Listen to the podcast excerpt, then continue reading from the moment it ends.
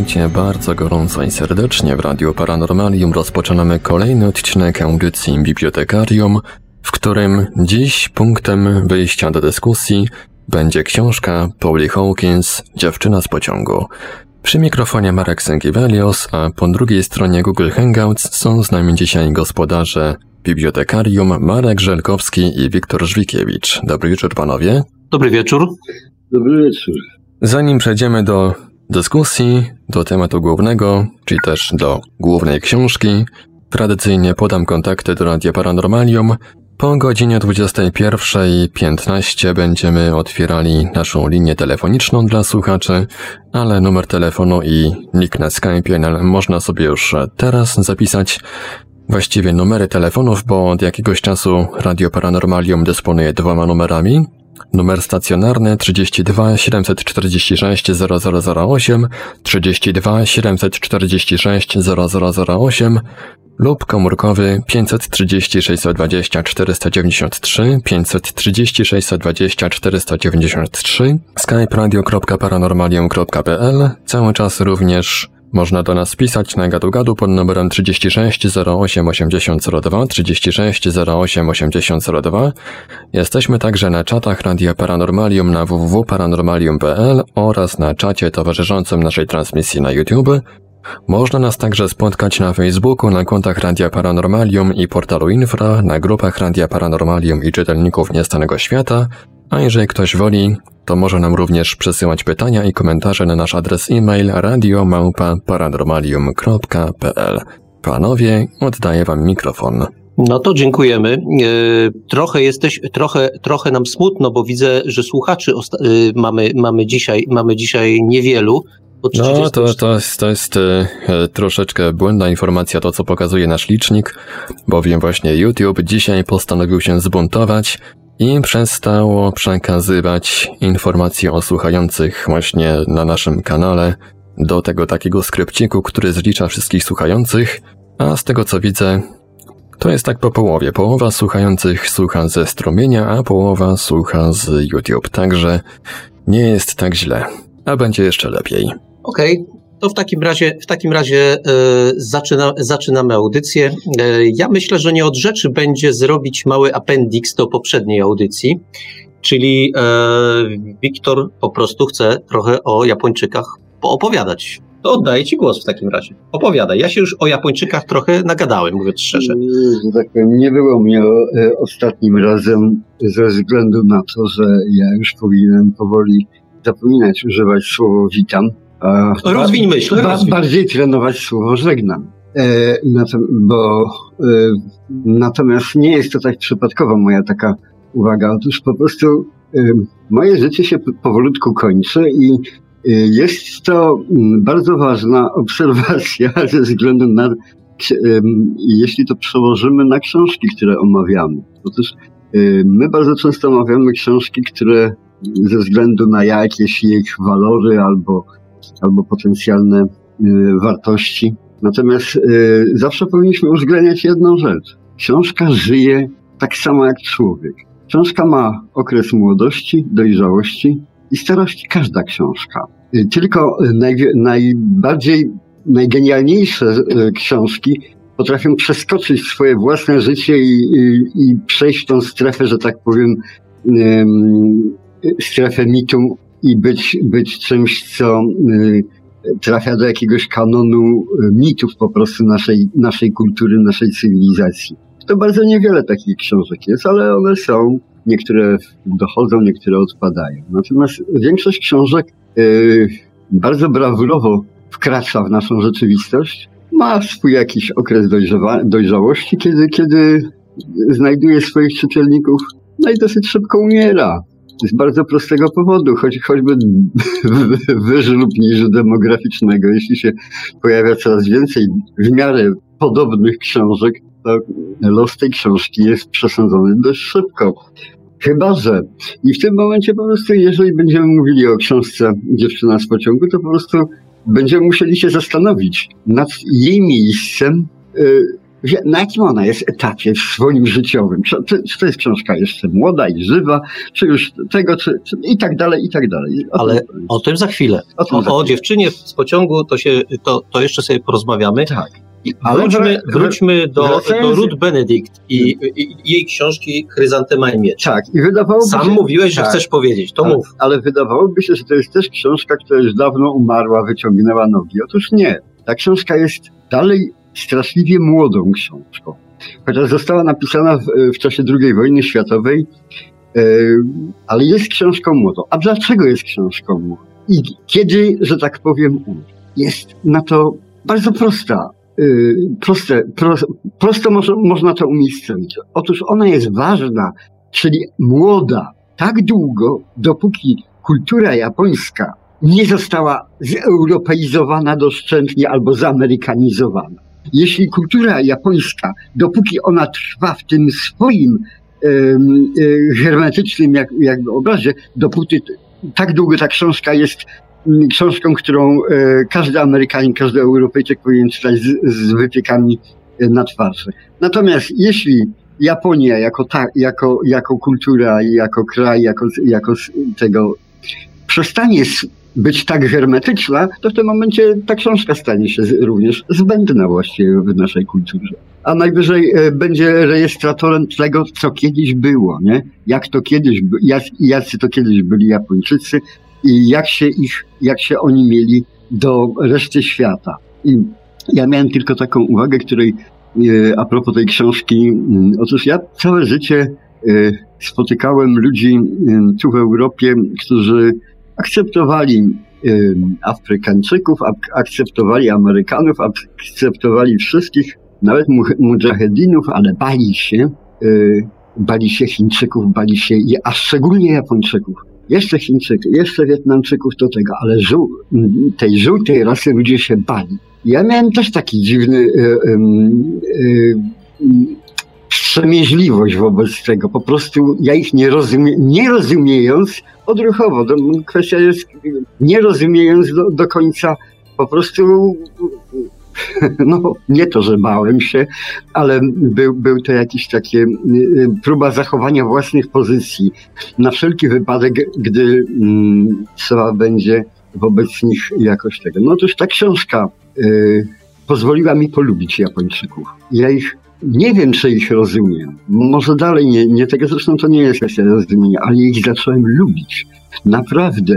Dla mnie symbole takie Y, y, te obiegowe Japonii, które były przerażające w pewnym sensie, jak harakiri i kamikaze, nie? przestały być straszne. Stały się piękne, y, piękne. Po prostu z punktu widzenia tamtej strony. Jak się spojrzy na, z tamtej strony, to ja nagle zacząłem rozumieć, rozumieć tych chłopców, którzy, którzy ginęli, siadając w te samoloty i atakując lotniskowce amerykańskie. I tak samo rozumieć y, y, to, y, rozumieć harakiri, czyli dlaczego. Bo nam się, mi się wydawało, że to jest absolutnie obce wobec, wobec tego, co nasza kultura europejska przynosi. Co więcej, jest, wydawało się, że to może być obce w ogóle jako, jako człowiekowi po prostu. Tak, że, ludzko, nie, niehumanitarne, nie, nie tego, ale jak się spojrzy na, na naszą kulturę, tu po prostu, po, po prostu polską. Kwestia naszego na przykład honoru, kiedyś przynajmniej, bo dzisiaj to tak może nie wiem, różnie jak, bywa. Różnie, różnie to bywa, bywa, ale kiedyś, dobrze mój, człowiek albo Polak, albo Anglik, szczególnie te nacje, jeśli została naruszona ich y, strefa, że tak powiem, którą obsługiwał honor, mogli wyciągnąć y, pistolet i padnąć sobie w łeb. To była rzecz Y, taka sama dokładnie jak y, harakiri y, w Japonii. Trochę inaczej motywowana jednak. Inaczej, tak, inaczej, inaczej i inne motywy, to ja rozumiem, ale... Niemniej równie egzotyczne. Egzotyczne po tak. prostu. I nie, na przykład większość, na, to co posiadała, ja tobie kiedyś wspominałem, jak żeśmy rozmawiali o, o, o czasach napoleońskich i tak dalej. Napoleon przecież doskonale doceniał Polaków jako tak zwane mięsa armatnie i wykorzystywał ich y, tak samo jak tą artylerię, którą wyprowadzał w, we wczesnym swoim, w swojej karierze. Jako pierwszy po prostu wyprowadził na ulicę, nie? Dla, dlaczego? No po prostu artylerii się na ulicę nie wyprowadzało, tylko działa w, w pejzażu pięknym, nie?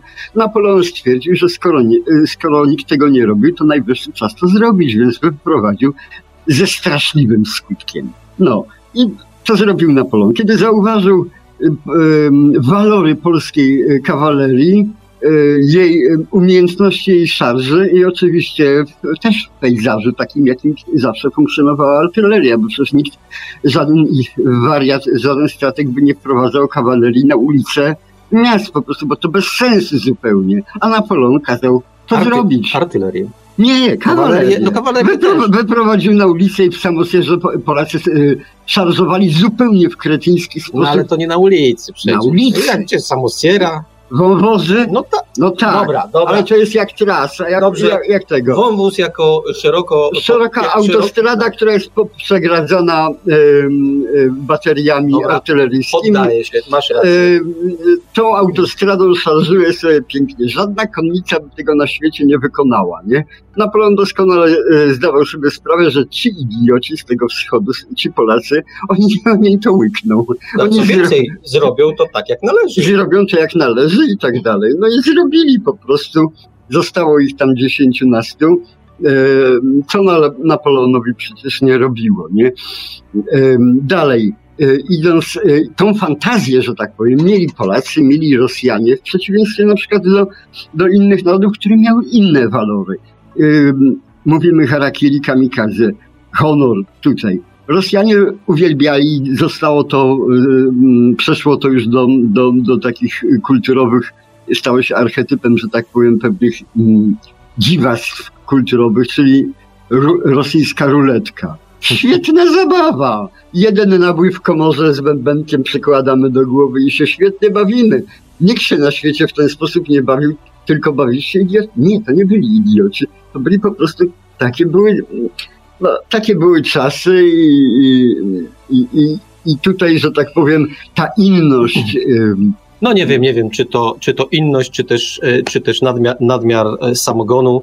Oficerowie Na też, pewno też, tak, też no lubili. Tak, no, lubili. No. Nie wiem, tu trudno mi rozstrzygnąć. Ja, ale jednak wrócę, e, wrócę, jeszcze do, wrócę jeszcze do Japończyków. Coś jeszcze o Japończykach mówimy, czy kończymy appendix? Mi się wydaje, że możemy najwyżej skończyć tę, tą, tą kwestię tym, że ja nieprzypadkowo powiedziałem, dlaczego, jak długo ta książka była, będzie żywa. Otóż ja jej ży, życzę życia wiecznego, ale tym samym życzę Japończykom, żeby dalej. Ta książka była jak najdłużej aktualna. Aktualna, tak żeby jest. była aktualna. Tak jest. Dobrze, i tym optymistycznym mm. akcentem e, skończmy appendix mm. do, do książki Ruth Benedict.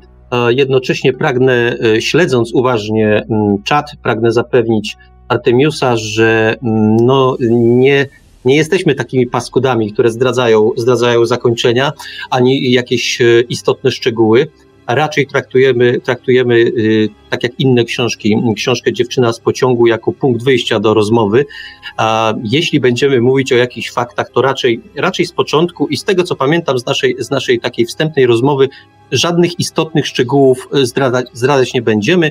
Także jakby, mm, znaczy nie ma potrzeby w każdym bądź razie wyłączania się ani, ani, ani uciekania z powodu tego, że będziemy cokolwiek, cokolwiek spoilerować. Także to, to uspokajamy wszystkich, którzy, którzy mieli, mieli takie podejrzenia, że natychmiast opowiemy im koniec. Tak nie będzie, to zapewniam. Na pewno nie będziemy dziewczynie z pociągu podnosić spódniczki po tym czasie. Tak. Westchnąłeś sobie. Tak. No dobrze, co patrzysz? No dobrze, to przejdźmy, przejdźmy, w takim razie, przejdźmy w takim razie do dziewczyny, do dziewczyny z pociągu. Jak ci się podobała ta książka? Dziś, jak mi się podobała? Hm. No to podobała długie, mi się. To długie milczenie nie wróży nic dobrego. No niestety z przykrością muszę stwierdzić, że chyba mi się podoba. A dlaczego? Dlaczego mi się podoba? Dlatego, gdyż tak samo jak Artemius jeszcze jej nie skończyłem. A daleko masz do końca? No, tak też tak gdzieś w połowę i dlatego mi się podoba.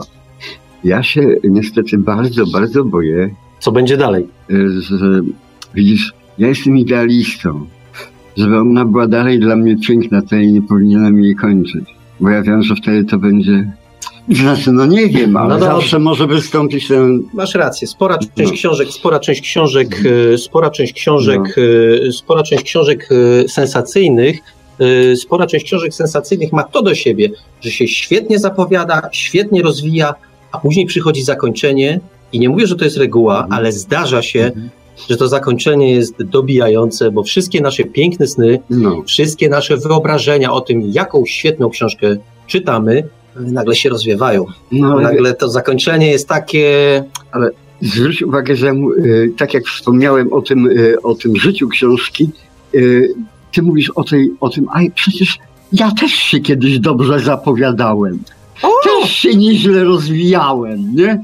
I tak dalej. A co? A teraz jest wielka, y, y, wielka inflacja, że tak powiem, tego, No nie wiem, nie wiem. To No, już jest. To, no ten. Dobrze, to zosta, po, pozosta, W, w każdym Pozostaniesz- razie ja tylko mam nadzieję, że, że ktoś mnie w jakiś sposób sensownie już dzisiaj zastąpi. Tylko o tym myślę, a nie o tym, żeby cokolwiek z siebie e, pozytywnego wykrzesać. E, no i mam nadzieję, że ktoś mnie zastąpi, bo będzie musiał prędzej czy później i raczej prędzej niż później e, zastąpić. A e, nie jestem osobą niezastąpioną i chwała najwyższemu, będą lepsi od tego. Na pewno kolega Marek będzie musiał sobie znaleźć jakiegoś frajera, który będzie wygłaszał w miarę mądre rzeczy i robił to lepiej ode mnie.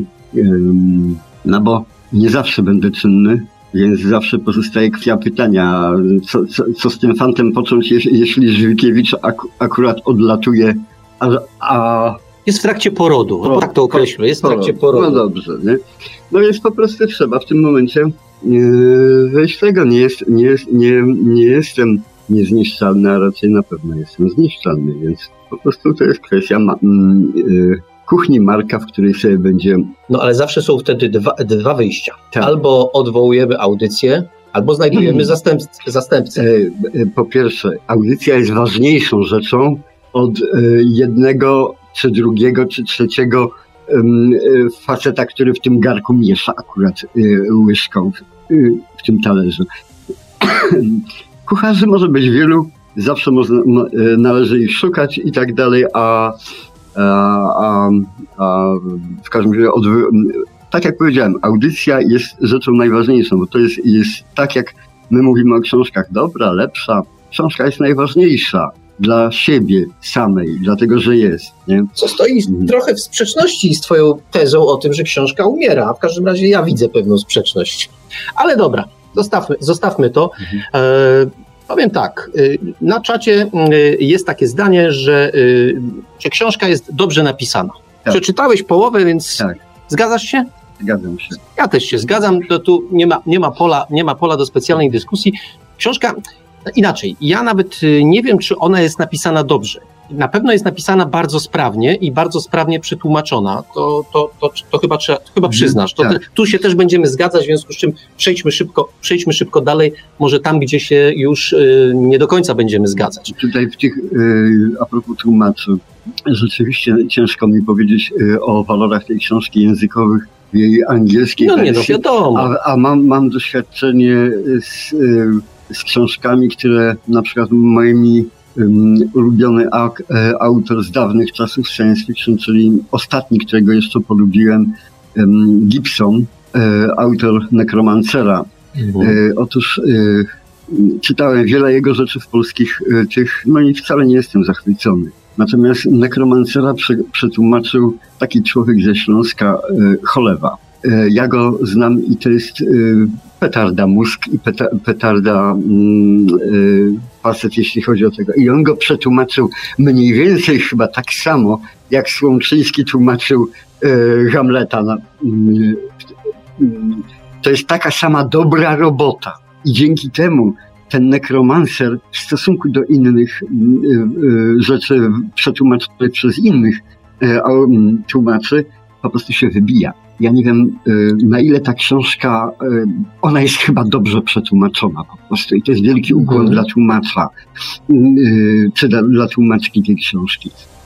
Ona jest dobrze przetłumaczona, o tym możemy z całą pewnością powiedzieć i dlatego ją się czyta po prostu. No. Tak, no te, też nie potrafię, nie Mhm. potrafię skonfrontować, ale bardzo, znaczy może nie bardzo często, ale zdarza się, zdarza się tak, że czasami tłumaczenie w ogóle ratuje książkę. Pewnie. Są takie przypadki, są takie przypadki, że książka w oryginale przeciętna Tak. na tłumaczeniu bardzo zyskiwała. No i to, to takich przykładów, takich przykładów by się kilka znalazło. Mamy. Ja tylko wspomnę, okej, Mhm. za, zanim, zanim wiesz, wspomnę, że do Macieja Słomczyńs- Słomczyńskiego jeszcze dzisiaj wrócimy zapewne, bo, bo, bo taki, mamy, taki mamy chytry plan. Dobra, to powiedz o tej książce, która, która okazała się lepsza albo gorsza. Nie, ja miałem takie, takie skojarzenie dosyć głupawe, ale na starość już człowiekowi odbijam, bo po prostu kiedyś y, strasznie y, mnie ubawiło tłumaczenie fragmentu z mojego własnego opowiadania. Otóż y, napisałem opowiadanie takie Zwierciadło Nieba, które zaczynało się mottem z Williama Blake'a. A klatka była purpurowa, zdobiona złotem i perłami, wewnątrz na świat się otwierała i na maleńką noc z gwiazdami. To jest William Blake. E, Następnie po jakimś pół roku zostało to przetłumaczone na czeski, dostałem egzemplarz. Się nieźle ubawiłeś. No i przeczytałem. A kleczta była purpurowa, zdabena zlatem ep- a- i perlami, na swit we, y, zewnicz, coś tam na swit się otwierało, na maleńką noc z gwiazdami. Świetnie, to był ten mroczny William Blake, który jeszcze w polskim języku zachował jakieś walory mroczności Mroczności. i tak dalej. Nagle był rozbrajający w czeskim języku, ale to też jest y,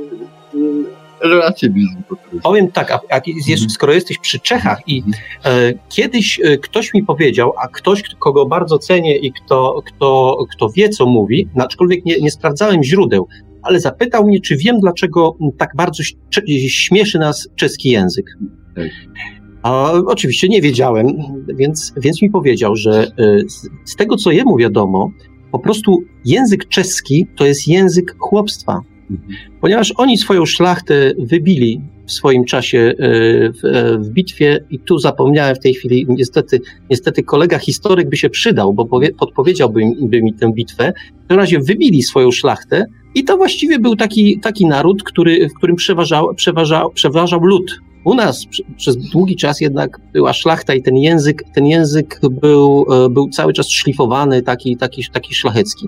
Powtarzam, nie wiem, czy to jest prawda. y, Rzucam to raczej jako myśl taką do, do sprawdzenia, do rozważenia, no, tak po prostu, żeby, żeby sobie rzecz przeanalizować, czy poszukać, poszukać źródeł. Myślę, że, że całkiem, całkiem, y, całkiem, całkiem y, ważna rzecz do poszukiwań, bo fakt jest faktem, że właściwie nie spotkałem jeszcze Polaka, człowieka, który żyje tutaj na naszej ziemi, który nie ubawiłby się y, słuchając, słuchając dłuższego monologu y, w języku czeskim. Zastanawiam mnie tylko, czy Czesi bawią się równie dobrze słuchając y, języka polskiego. No nie wiem, czy się bawią, ale może, mogą im raczej włosy stawać na głowie, słuchając języka polskiego. Czyli dla nich to będzie nie anegdota, ale horror po prostu, bo o ile ja wiem, to Czesi nas, tak jak my, sorry, Czesi bracia, bo ja ich lubię, my na nich mówiliśmy yy, tak pepiczki, nie? A oni nas przezywali Franciszki, przezywają dalej, nie? Dla, od czego? Nie od fra- świętego Franciszka. No który tak myślę, że nie. Od czego? Tylko od, od szybia, syczenia naszego języka. Franciszki. To jest, nasz język jest bez przerwy szeleszczący, syczący. My sobie z tego nie zdajemy sprawy, że my właściwie bez przerwy syczymy. Po prostu sz- to jest nasza podstawowa rzecz, która nas wyróżnia wobec wszystkich innych języków. Nikt tak nie syczy jak Polacy. Po Ale prostu. nie jesteśmy wężowym plemiem, Nie jesteśmy plemieniem. tego.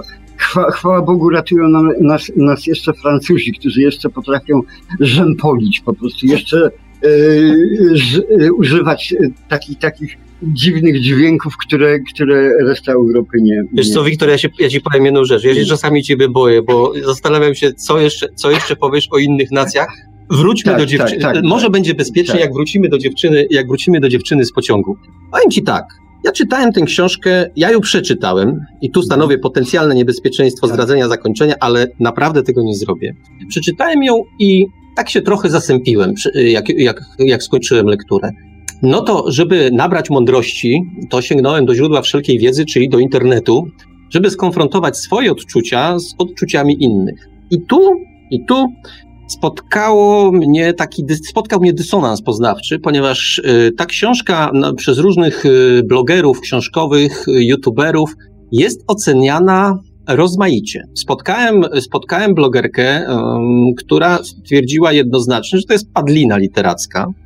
Spotkałem też ludzi absolutnie zachwyconych tą książką. I powiem, że moje odczucia po lekturze, znaczy właściwie ten, e, ten, to rozdwojenie jeszcze się pogłębiło. Zamiast, zamiast sobie coś wykrystalizować dzięki internetowi, to tak zresztą z internetem bardzo często bywa, to jeszcze sobie pogłębiłem, pogłębiłem to swoje takie niezdecydowanie. E, to może, to może ty mi pomóż e, nabrać przekonania, czy to jest dobra, czy to jest zła książka. Czy inaczej, ja już pytałem o to, czy ona jest dobra, czy zła, bo to, to jakby tu ten stopień ogólności zostawmy, czy ona jest dobra, czy zła, generalnie y, po, po, po, lekturze połowy książki stwierdzasz, że jest na pewno nieźle napisana tak. to, to, i że wydaje się, że może być niezła. To powiedz mi, skąd się mogło wziąć y, to zdanie, że to jest literacka padlina? Hmm, bardzo, bardzo ono mnie cieszy. Z bardzo prostego powodu. E, to świadczy, że ta książka jest dobra. Nie ten głos, który świadczy o tym, że padlina, ale właśnie różnorodność głosów. Jeśli książka nie jest kon y, książką kontrowersyjną, y, to nie jest książką dla mnie dobrą.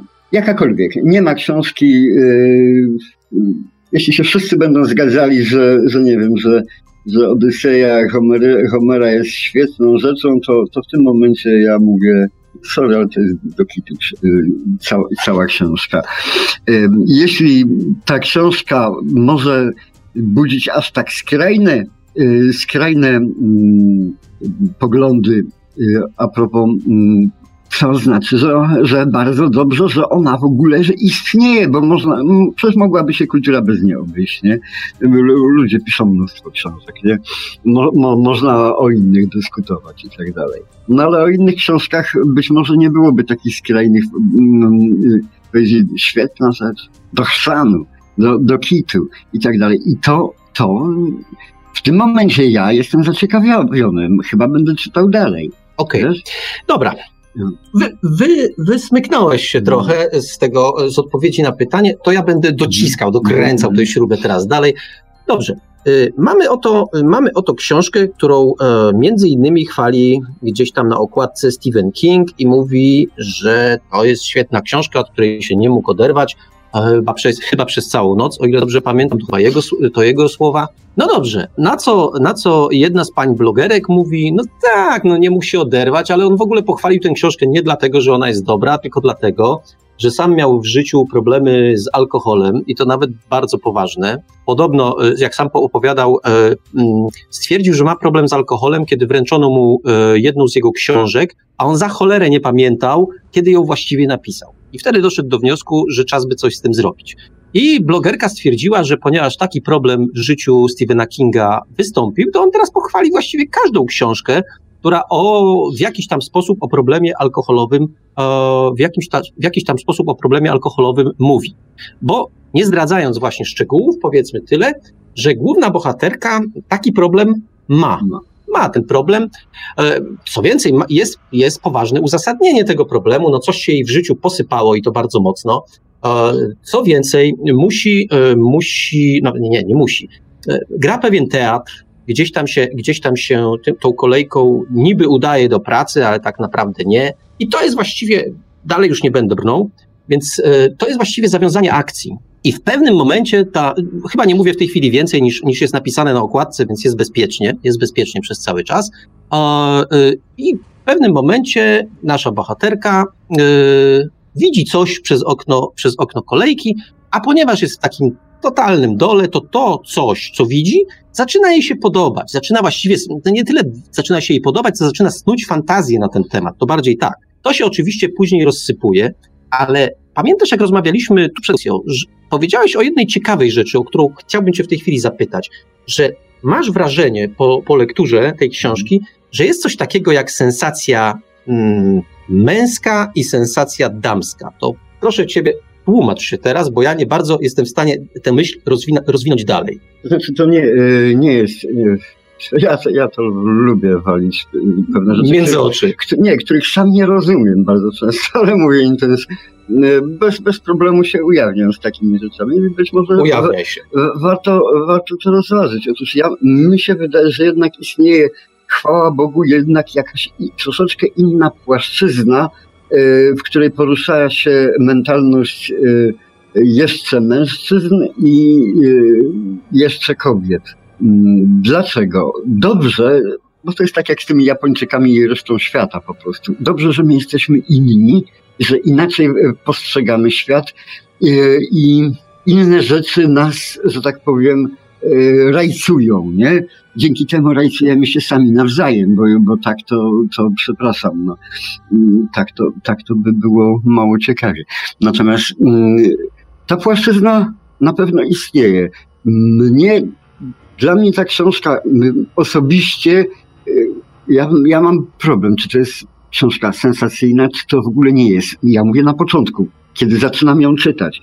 Tam się pojawiają wątki, które dla mnie osobiście y, nie są sensacyjne. Są, nie wiem, no coś się dzieje, plotkarskie, Właśnie, jakieś sprawy soc- socjologiczne, adaptacji funkcjonowania alkoholika, kogoś, kto ma kłopoty życiowe i tak dalej. To wszystkie, mm, no cholerne, tam jest to dobrze zrobione, natomiast mnie to po prostu mało interesuje. To jest problem dla psychologa, dla lekarza, dla psychiatry, ale czy, czy to dla, dla czytelnika?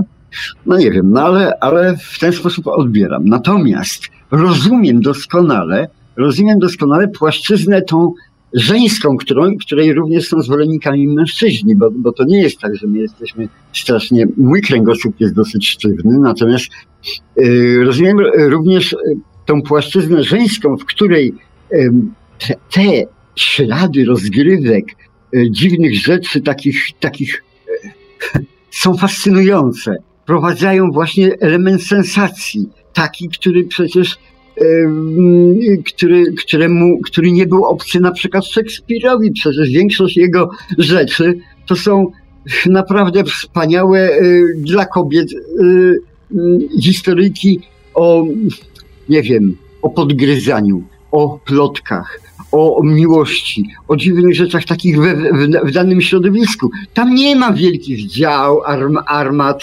grzmotów, wielkich bitew i tak dalej. Czasami ktoś tam wróci z szablą nie, nie, nie schowaną w pochwie, ale to rzadko. Tam to nie jest, y, wydawałoby się, męska literatura. Ona jest męska, jest kobieca, jest bardzo dobra u Szekspira. A tak samo w, tej, w, w dziewczynie w, w pociągu. Otóż ja rozumiem ludzi, którzy, którzy ten wątek sensacyjny natychmiast w tej płaszczyźnie mm, y, takiej znajdują. I on ich porywa, pociąga, wci- chce, wciąga w głąb, nie?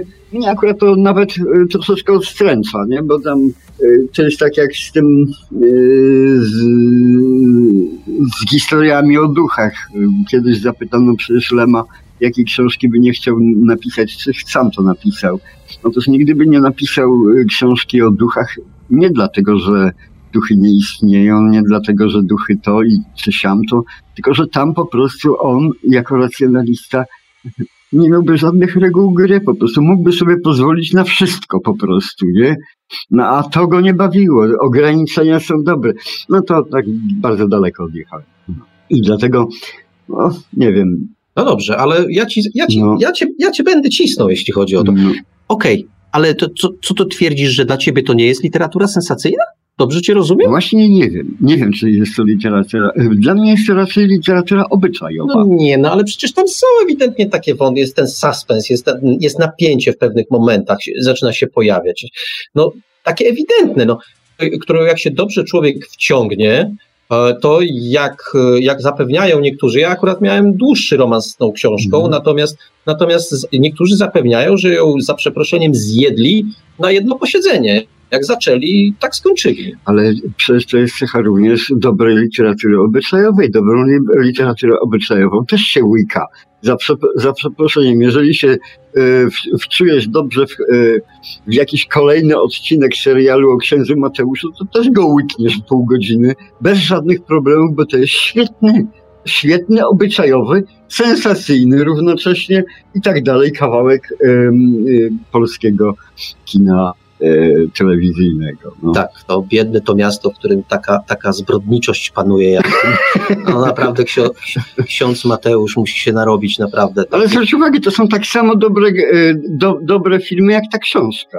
Element sensacji, obyczajowości, humoru i tak dalej. Humoru nawet chyba trochę no tak, więcej. tak, nie? tak, tak, tak. Tylko No. wiesz co, no, ojciec Mateusz Mhm. to jest kryminał. Tak. Natomiast tu A, mamy do czynienia z no tak, sensacją. no tak, tu, no mamy, tak. tu mamy, To to, by, to by warto, warto rozróżnić, bo jednak istnieje dosyć podstawowa różnica pomiędzy No kryminałem, Tak. a książką Tak. sensacyjną. Otóż kryminał to jest y, y, jakby taki modelowy kryminał, to jest, y, to jest książka, w której rozwiązanie zagadki, a właściwie znajduje się, szuka, szukane jest w przeszłości. Mhm. Czyli mamy detektywa, mamy ojca Mateusza, mamy kogoś, kogoś, kto pełni Mhm. rolę detektywa i on szuka rozwiązania związanego na przykład z morderstwem, ale to rozwiązanie znajduje się w Mhm. przeszłości. Mhm. Natomiast literatura sensacyjna, chociaż bardzo bliska, gdzieś czasami zahaczająca się, y, spinająca się z, y, z literaturą kryminalną, ona jednak działa inaczej.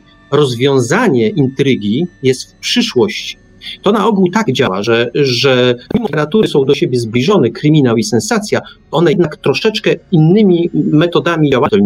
Obie są fascynujące, obie, y, obie potrafią wciągnąć, ale innymi, innymi metodami. Agata Christie to kla, klasyczna, kl- klasyczna kryminałka, jeżeli tak to, tak to możemy określić, czy też współcześni, współcześni pisarze, którzy o, mm, dzieła, dzieła y, y, kryminalne piszą, oni się posługują tą metodą. Jest morderstwo, przestępstwo, no i szukamy, dlaczego to coś się wydarzyło. Kiedyś tam. Kiedyś tam, ale to Mhm. czasami oczywiście przechodzi płynnie w jakąś tam y, bieżącą rozgrywkę, więc tutaj nie ma takiej ostrej granicy. Wszelkie, w ogóle wszelkie podziały takie literackie mają to do siebie, że jeśli byśmy próbowali je y, odnajdywać w każdej książce i tak ściśle to stosować, to właściwie, mm, właściwie mogłoby się nam to nie udać. Natomiast warto mieć świadomość, że gdzieś tam u, u podłoża, u podłoża pewnej literatury takie roz, rozgraniczenie funkcjonowało. No i teraz, i teraz y, y, ojciec Mateusz to zdecydowanie jednak będziemy, będziemy do tej, bliżej do kryminału temu wszystkiemu, chociaż tam wątki sensacyjne również się znajdują. Natomiast dziewczyna z pociągu, no wiesz, to właściwie, no dobrze, nie będę, nie będę nic spoilerował, w związku z czym dobrze przyjmijmy, że to jest jednak literatura Tak, sensacyjna, tak, że, że szukamy tak, czegoś, szukamy, że, że rozwiązanie, inaczej, Mhm. nie tyle, bo tam oczywiście jak w każdej literaturze sensacyjnej zdarzają się wątki retrospekcyjne, które gdzieś tam czegoś w przeszłości szukają. Niemniej rozwiązanie akcji jest w przyszłości. Mhm. Coś się musi Mhm, wydarzyć, gdzieś się to. mhm. Owszem, to czasami ta przeszłość, y, ta przyszłość jest za, zakorzeniona gdzieś w przeszłości. Tak. Ta przyszłość jest determinowana przeszłością, niemniej jednak rozwiązanie, y, rozwiązanie akcji jest, znajduje się w przyszłości. Zdążamy ku, ku pewnemu miejscu i tam to rozwiązanie się znajduje. I to też jest, myślę, warto, warto o tym pamiętać, kiedy, kiedy mówimy o, o literaturze sensacyjnej. No tak, zgadza się. I ta książka w tym momencie jest, jest dobra, bo tam y, w przeszłości tej y, bohat- bohaterki tej książki nie ma nic takiego wielkiego, do czego by można. Nie popełniono morderstwa, nie popełniono niczego. W tej przeszłości jest niewiele, a w przyszłości jest dosyć Dobra, dużo. No, Tu, tu niestety, niestety za dużo sobie nie możemy No, no, poszaleć, no, no. jeśli chodzi o, jeśli chodzi o, te, o, o te różne wątki. E, mam, do ciebie, mam do ciebie takie pytanie. Zacząłeś na początku, kiedy mówiłeś, kiedy mówiłeś, robiłeś taki wstęp do ca- całej naszej dzisiejszej rozmowy, mówiłeś o starzeniu się książek. Ja sobie zastrzygłem uchem wtedy dosyć, dosyć uważnie, bo to był temat, który mnie bardzo zainteresował. Mówiłeś o starzeniu się książek, e, o starzeniu się literatury, o tym, że pewne książki przetrwają, a pewne książki nie przetrwają. Trudno jest co prawda dzisiaj y, wyznaczyć, która przetrwa, która nie. Niemniej ja bym chciał, żebyśmy wrócili na chwilę do tego przetrwania bądź nieprzetrwania książki, tudzież do tego, że mm, jak to jest z tymi książkami. Bo dzisiaj przeciętnie mówi się tak, no tam jakieś pierdoły pisane 150 lat temu, kto to czyta, nikt tego nie czyta. W związku z tym książka z definicji starzeje się i umiera. Tak jak to zresztą przedstawiłeś. No tak, to tak naprawdę jest, twoim zdaniem? Czy Tak. są jakieś tak? Jakieś... nie, tak jest po prostu. No dobrze, dobrze. Ym, y, Kwestia y, książki tylko się y, rodzą i umierają. Natomiast czasami y, czasami posiadają być może takiego nieśmiertelnego No ducha jak my. E, niektórzy przynajmniej, nie? Otóż jeśli książka posiada nieśmiertelnego ducha, to oczywiście książka się zestarzeje. Książka staje się niestrawna, nie do czytania i tak dalej, ale jej duch dalej się pałęta po tym świecie. No, z tym się zgodzę, bo, bo nawet, yy, nawet y, Anglicy w swoim czasie yy, zrobili taki, taki myk, że swoją staroangielską literaturę mhm, yy, częściej przetłumaczyli na język współczesny mhm. angielski, bo już po prostu język, ten język tak się zmienił, nieco bardziej niż polski, znacznie bardziej niż polski, chociaż polski też przeszedł, jeżeli ktoś sobie przeczyta tekst Bogu Rodzicy, mm, i to może mało zrozumieć. Anglicy rozumieli ze swojej literatury jeszcze mniej. No i rzeczywiście, y, rzeczywiście mm, miało miejsce coś takiego jak tłumaczenie literatury angielskiej na, na angielski współczesny, co zresztą przyczyniło się do tego, że ta literatura była troszeczkę bardziej spopularyzowana, bo ludzie zaczęli ją rozumieć. Ja jednak chciałbym cię zapytać o jedną rzecz, wiesz, bo tak, no powiedziałeś, że gdzieś tam, gdzieś tam jeszcze, gdzieś tam jeszcze y, przy wszystkich umierających książkach, czy umierającej literaturze może pojawić się coś, y, co jest um, jakieś dzieło, które jest nieśmiertelne. Ja tu mam taki przykład, znaczy właściwie całego, oczywiście kiedy sobie weźmiemy pod uwagę to, kiedy pisał na przykład Szekspir, mhm. to to jest dzieło, którego dzisiaj oczywiście masowo się nie czyta, ale jednak to jest dzieło, które funkcjonuje w kulturze masowej. No, ono było zawsze dziełem masowym. Tak, ale przetrwało. Dzisiaj no. właściwie nie ma no może, może jestem zbytnim optymistą, przepraszam za to, ale, ale właściwie mało jest ludzi, którzy, nie, którzy zapytanie o Szekspira nie wymienią trzech takich podstawowych dzieł, e, typ, po, czyli na przykład Hamleta, e, Otella i Macbeta. Z czwartym już jest gorzej, bo, y, bo najczęściej to już zależy od, y, to już zależy od indywidualnych preferencji. No ja, jeden... bym, ja bym wolał wyżej króla Lira. O, na przykład. Ty byś chciał wymienić króla Lira. Ja bym się zastanowił na przykład nad burzą, mhm. albo na przykład nad y, nieco zabawniejszą, nad zabawniejszym tytułem, czyli poskromieniem no tak, złośnicy, tak, tak, tak. Który, który jest. I to są. I to mnie zadziwia że dzisiaj nawet te dzieła nieczytane weszły do kultury masowej, e, do, w ogóle do kultury tak mocno, że nawet ludzie, którzy nigdy w życiu e, nie czytali, to wiedzą, wiedzą o co chodzi. Co więcej, przynajmniej oglądali jakiś teatr, jakiś, e, widzieli jakiś film.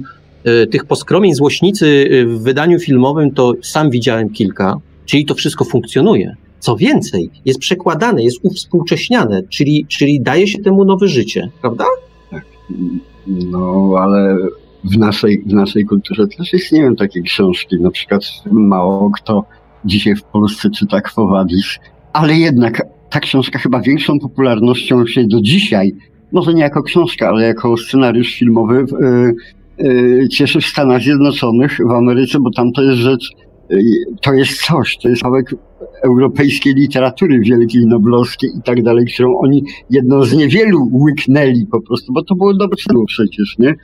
Dla nich. Jest, my już tego prawie nie czytamy, raczej mało kto, kto będzie czytał, mało kto będzie czytał chyba no tak, no jeszcze jest przymus lekturowy, nie? No jest przymus, przymus lekturowy. lekturowy jest. i ja współczuję faktycznie naszym dzieciom, bo ja osobiście nigdy nie, lektur nie czytałem, przeczytałem straszliwe ilości książek.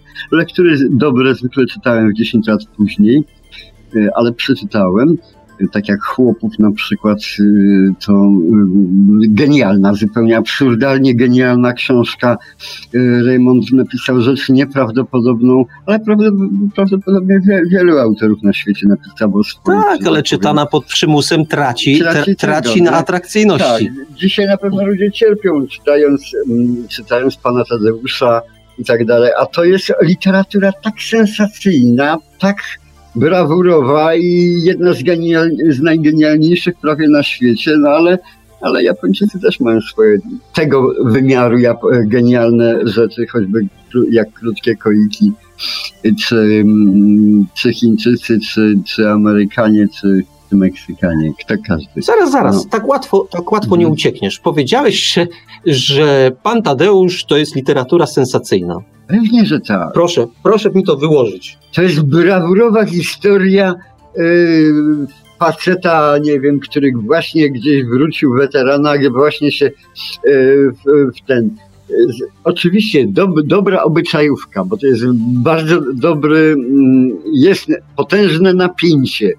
Kwestia rewelacyjne charaktery. Już nie mówię o samym Gerwazym czy coś takiego, ale jeśli się czyta tutaj tylko wątek, y, sam y, wątek narracyjny, to znaczy to, co się y, w Panu, w Panu Tadeuszu dzieje, to to jest genialne. Natomiast jeśli my będziemy rozpatrywali to przez pryzmat, przez soczewkę tego poetyckiego języka, tych, tych takiej tego, przez znajomość kultury, bo już my dzisiaj tak nie mówimy jak, jak szlachta. Nie jesteśmy, nie mamy, tak jak mówiły, mówiłem na początku, nie mamy tego poczucia honoru, nie mamy tego poczucia, na miłość patrzymy zupełnie inaczej niż tam y, się, pa, się patrzy. Inne zwyczaje Inne mamy. obyczaje mamy po Tak. prostu, tak. Natomiast i dlatego nas to, nas to, że tak powiem, nie, może tak nie, Nie zachwyca. Nie zachwyca. Tak, jak to, jak to bywa, no nie zachwyca. Ja ci powiem, że jak patrzę na męki, na męki Mhm. uczniów e, drugiej klasy gimnazjum, gdzie, gdzie mm, pan Tadeusz jest przerabiany, w ogóle paskudne słowo przerabiany, Tak. no, w każdym razie jest analizowany, czy, czy, czy jest czytany, to, y, to widzę, że ta lektura mm, wymaga jednak przygotowania. No nie da się, po prostu nie da się, moim zdaniem, um, zachęcić do czytania, y, y, wtłaczając młodym ludziom, y, wrzucając im pana Tadeusza. Da się, da się. No na przykład. Tylko zła droga. Zła absolutnie droga. Tej książki, żeby ją ludzie młodzi chcieli czytać, należałoby zakazać. No, Bezwzględnie w polskiej kulturze nie powinno się czytać pana Tadeusza. To powinna być e, inkwizycja, zakazana rzecz. Młodzi absolutnie to już jeszcze w ogóle kwestia dojrzałości. Może tam na starość może sobie poczytać, ale młody człowiek to wara od tego. wiesz co? Sprawienie, żeby pan Tadeusz zyskał na, atrak- na atrakcyjności poprzez uczynienie go towarem zakazanym. Tak jak każdy towar zakazany.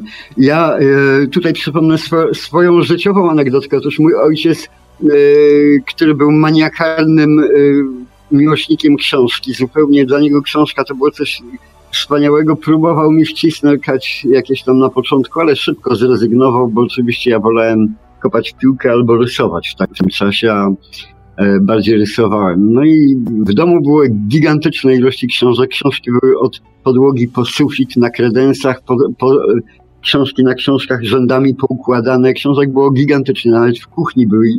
Książki sięgały do sufitu, nie? No i mm, te wszystkie książki były, proszę bardzo, synku, możesz sobie czytać, nie? W kuchni tylko, czy w gabinecie ojca chyba były książki, dwa rzędy w kuchni, tak. Były dwa rzędy książek, które były absolutnie zakazane dla mnie. E, Tego, e, synku, to tam nie ruszaj. Zresztą ma, matka mnie bez żadnego gadania goniła od tego i tak dalej.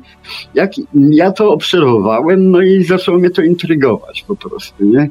I Tam to było, był owoc zakazany. to był, tak, tam był owoc zakazany i mnie to zaczęło powoli intrygować, bo to było bardzo dyskretnie y, wprowadzone. W każdym razie, kiedy po jakimś czasie, kiedy mm, babcia na rynek po, po jajka, matka do pracy, ojciec do pracy, ja się urywam ze szkoły, mm, bo uwi- uwielbiałem się urywać z lekcji. Y, No i do chaty, nie? No co tutaj robić? Trochę z chłopakami tego, no ale te pługi tam u góry. No to byłem bardzo mały jeszcze. St- Stawiałem krzesło na stole w kuchennym, właziłem na ten stół, właziłem na to krzesło, udawało mi się zdjąć jedną książkę z tej całej górnej półki i tak dalej i czytałem ją na stojąco, słuchając, czy w korytarzu się nie pojawią kroki babci albo, e, albo rodziców, nie? I muszę wam powiedzieć, że naprawdę, ja tam na tym krześle na stojąco przeczytałem całą literaturę młodzieżową, która była przeznaczona wtedy. Tam przeczytałem Karola Maja, tam przeczytałem Aleksandra Dima, tam przeczytałem Sienkiewicza normalnie. Tam przeczytałem wszystko, co, co, co było tego, bo po prostu mój ojciec wiedział, co Twój robi. świętej pamięci ojciec był Tak. osobą podstępną niezwykle. Podstępną, no tego. I on, i ja naprawdę przeczytałem te książki z zachwytem, z zapałem. Też doszukiwałem się oczywiście rozpaczliwie, dlaczego to. I pamiętam, że chyba w całej literaturze, którą tam przeczytałem, to chyba znalazłem tylko jeden, jedyny fragment, który Momenty do dzisiaj były. pamiętam. Jeden moment chyba u Aleksandra Dima y, była królowa Mago i tam jest chyba na półtorej stronie jakiś taki erotyczny kawałek, gdzie któryś tam z rycerzy do, z królową Margą coś tam Ale to przeżywa. musiał być bardzo soft kawałek. Takich taki. soft kawałek, ale nie, na tamte czasy to była potęga zupełnie, ale tu chyba mój tatuś przeoczył, a może specjalnie zostawił, żebym jednak swoją męskość rozwijał w przyszłości. No, jakoś tego. W ten sposób przecież e, właśnie cieszy się na, nie cieszyła się taką popularną komuny w Polsce czy w Rosji. Gdzie ustawiały się kolejki po książkach. Tak. Dlaczego? Dlatego, bo była zakazana. Znaczy, większość książek po prostu niedostępna. Niedostępna. No. Ci powiem tak, no to oczywiście taka anegdot, anegdotyczna historia, która rzeczywiście y, pewien mechanizm oddaje, ale innego. Ja mam, y, tutaj piszę y, na, y, na czacie, że nie przebrnął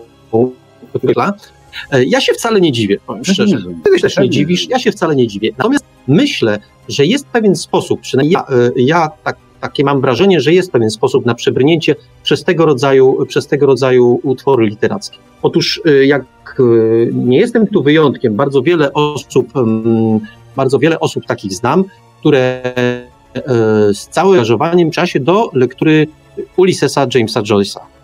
E, Na początku były y, te osoby, łącznie ze mną, strasznie zaangażowane, takie w miarę lektury i to dosyć szybko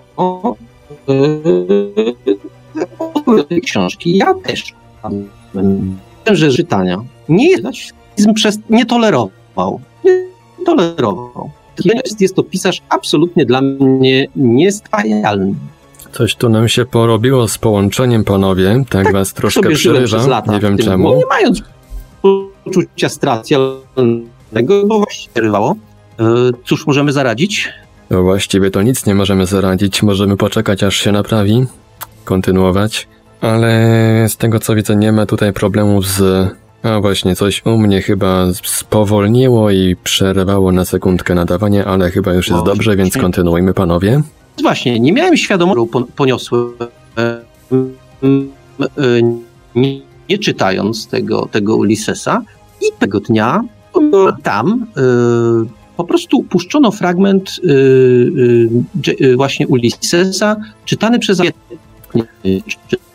O i znowu przerwało, znowu przerywa, panowie. interpretacji, kiedy ta wrażliwość pisarza zostaje aktora, który też jest twórcą, nagle, się, nagle odkryłem, y, że to jest świetna literatura, że, nag, że, ten, że, ten, że ten aktor potrafi wyciągnąć y, z tych słów, z tych zdań, z tych y, rozdziałów rzeczy, które z mojej samotnej lektury nie byłem w stanie dostrzec. I to w ogóle jest, myślę, sposób, albo, albo w ogóle wytłumaczenie tego, dlaczego dzisiaj e, e, wszelkiego rodzaju audiobooki cieszą się taką popularnością. Po pierwsze są wygodne, bo można jechać samochodem i czytać książkę, no właściwie czyta się, e, ktoś, ktoś nam czyta książkę, ale też jest to sposób na przebrnięcie przez tak zwaną literaturę, nazwijmy ją trudną, czyli właśnie przez pana Tadeusza, przez książki takie jak Chłopi, które tobie się tak, ci chłopi tak bardzo podobali.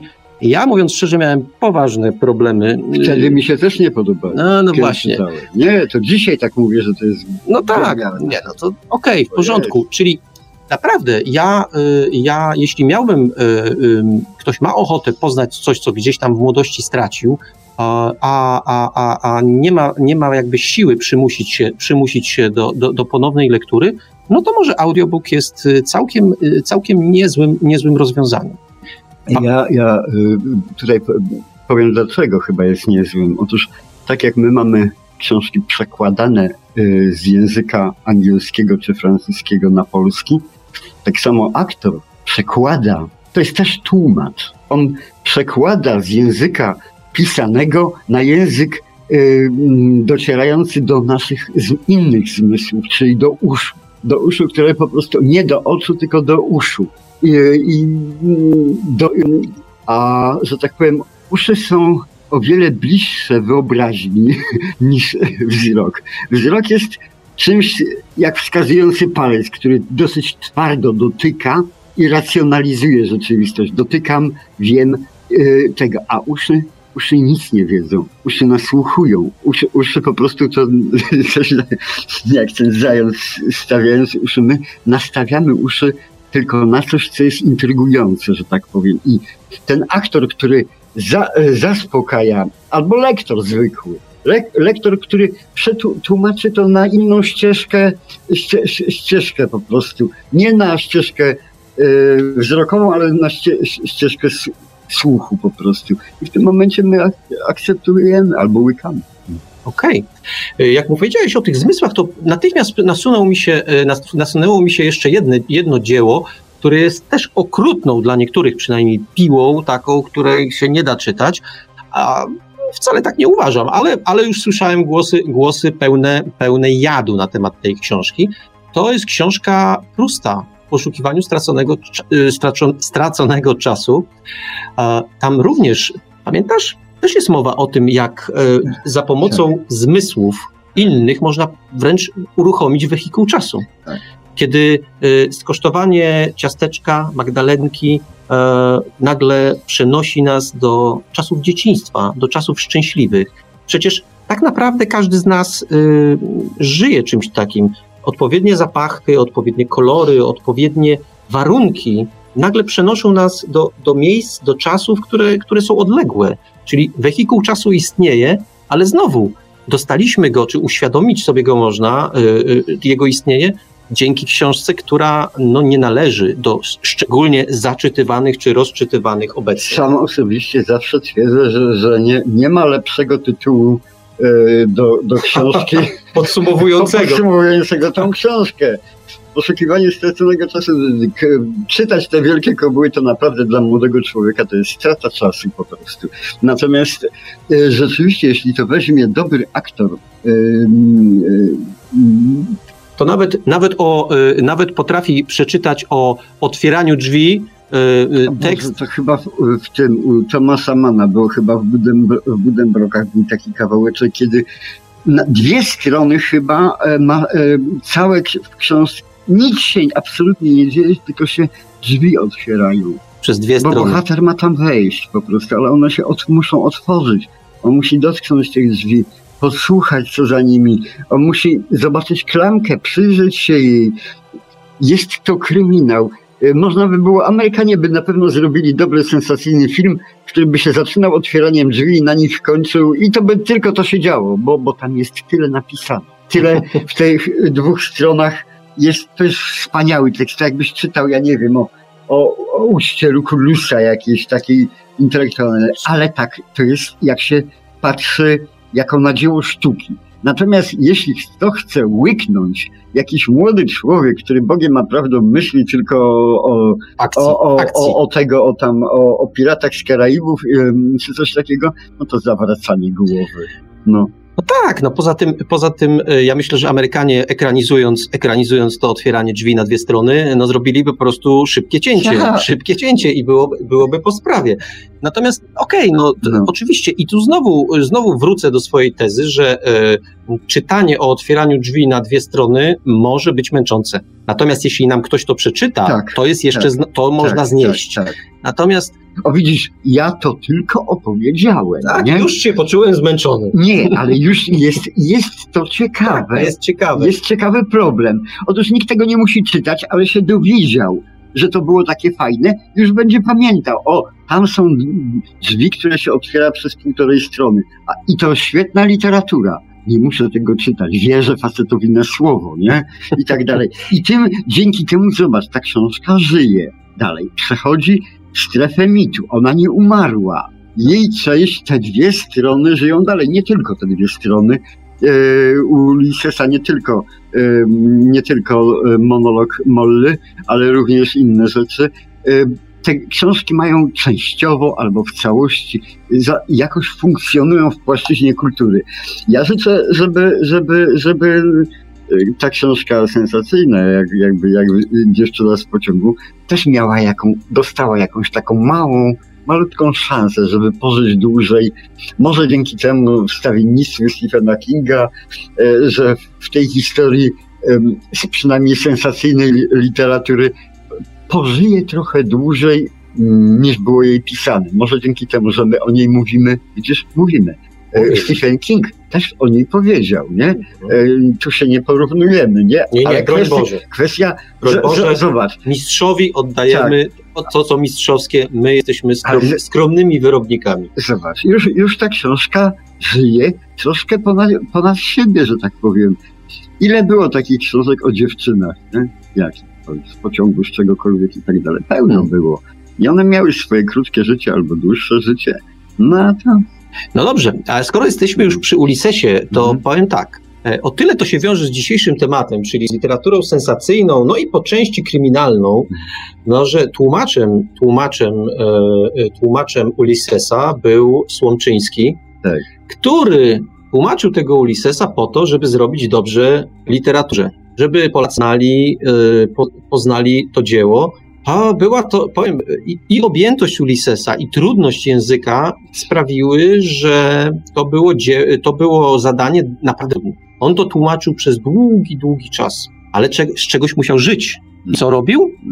Pisał kryminały. Pod pseudonimem Joe Alex napisał szereg takich klasycznych, klasycznych kryminałów. Ja bym ym, powiedział, że takie w stylu Agaty Christie, czyli, a właściwie nawet niektórych y, y, kryminałów Agaty Christie, chociażby Pułapki na myszy, gdzie mamy zamknięte środowisko. U Agaty Christie jest to jakiś pensjonat, o ile dobrze pamiętam, odcięty przez, odcięty przez, e, przez śniegi, Y, a u Joe Alexa mamy na ogół jak, jakąś posiadłość, e, nawet dostajemy najczęściej plan tej posiadłości, e, w sensie, czy roz, rozmieszczenia pomieszczeń.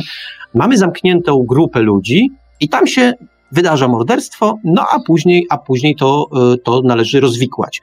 To były według mnie klasyczne, świetne kryminały opierające się właśnie na rozplątywaniu supełków, rozplątywaniu skłębionych jakichś takich nici, które w rezultacie prowadziły do rozwiązania zagadki. I proszę, jak się wziął za to mistrz, który, który, który umiał operować słowem, był świetnym tłumaczem, znał realia poza tym, bo na ogół te, te, te kryminały Joe Alexa dzieją się nie w Polsce, tylko dzieją się gdzieś, gdzieś poza jej granicami, no gdzieś w krajach anglosaskich, to, to y, mamy, nagle dostajemy y, nawet kryminał, który jest napisany no, z klasą. To są, to są książki, które do dzisiaj chętnie są czytane. Chętnie są czytane, nawet pomimo tego, że tej literatury i kryminalnej, i sensacyjnej sporo się pojawia. akurat y, y, znałem, że tak powiem, Słomczyńskiego osobiście dosyć dobrze i to nie jest tylko kwestia klasy, ale to jest kwestia ogromnej, ogromnej. mm, y, Ten człowiek był wybitnie tak samo inteligentny, tak samo obyty w kulturze, oczytany nieprawdopodobnie. A dlaczego on pisał te całe kryminały?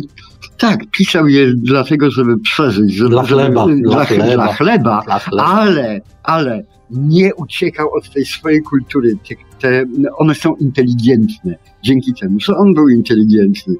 W tym czasie było mnóstwo ludzi, którzy próbowali pisać i pisali kryminały, ale Joe Alex tylko przetrwał. Dlaczego? Gdyż autor był po prostu wielkiego wymiaru facetem. Był dużego przy- przynajmniej wymiaru facetem. Nie?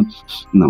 To prawda, no powiem ci tak, ale wróćmy jeszcze, wiesz co, musimy obsesyjnie wracać jednak, znaczy ja muszę Mhm. obsesyjnie wracać do, do tej dziewczyny z pociągu i jeszcze chciałbym cię mimo wszystko dać, y, jako, jak uważasz, czy, czy bohaterka, czy bohaterka, którą, którą a, a, a, Tego nigdy nie wiem. Bo ja, ja tutaj akurat to nie jest chyba dobre pytanie. Ja to chyba wypośrodkował to, gdybym podyskutować z tą kobietą, która chce tą, y, masz okazję, dyskutuj. gdybym mógł z nią podyskutować, jak ona to widzi i jak ja to widzę, to może byśmy wypośrodkowali i, i umiałbym nazwać y, tak miejsce i w jakiej sytuacji, w, jak, w jaki kontekst po prostu funkcjonowania bohaterki.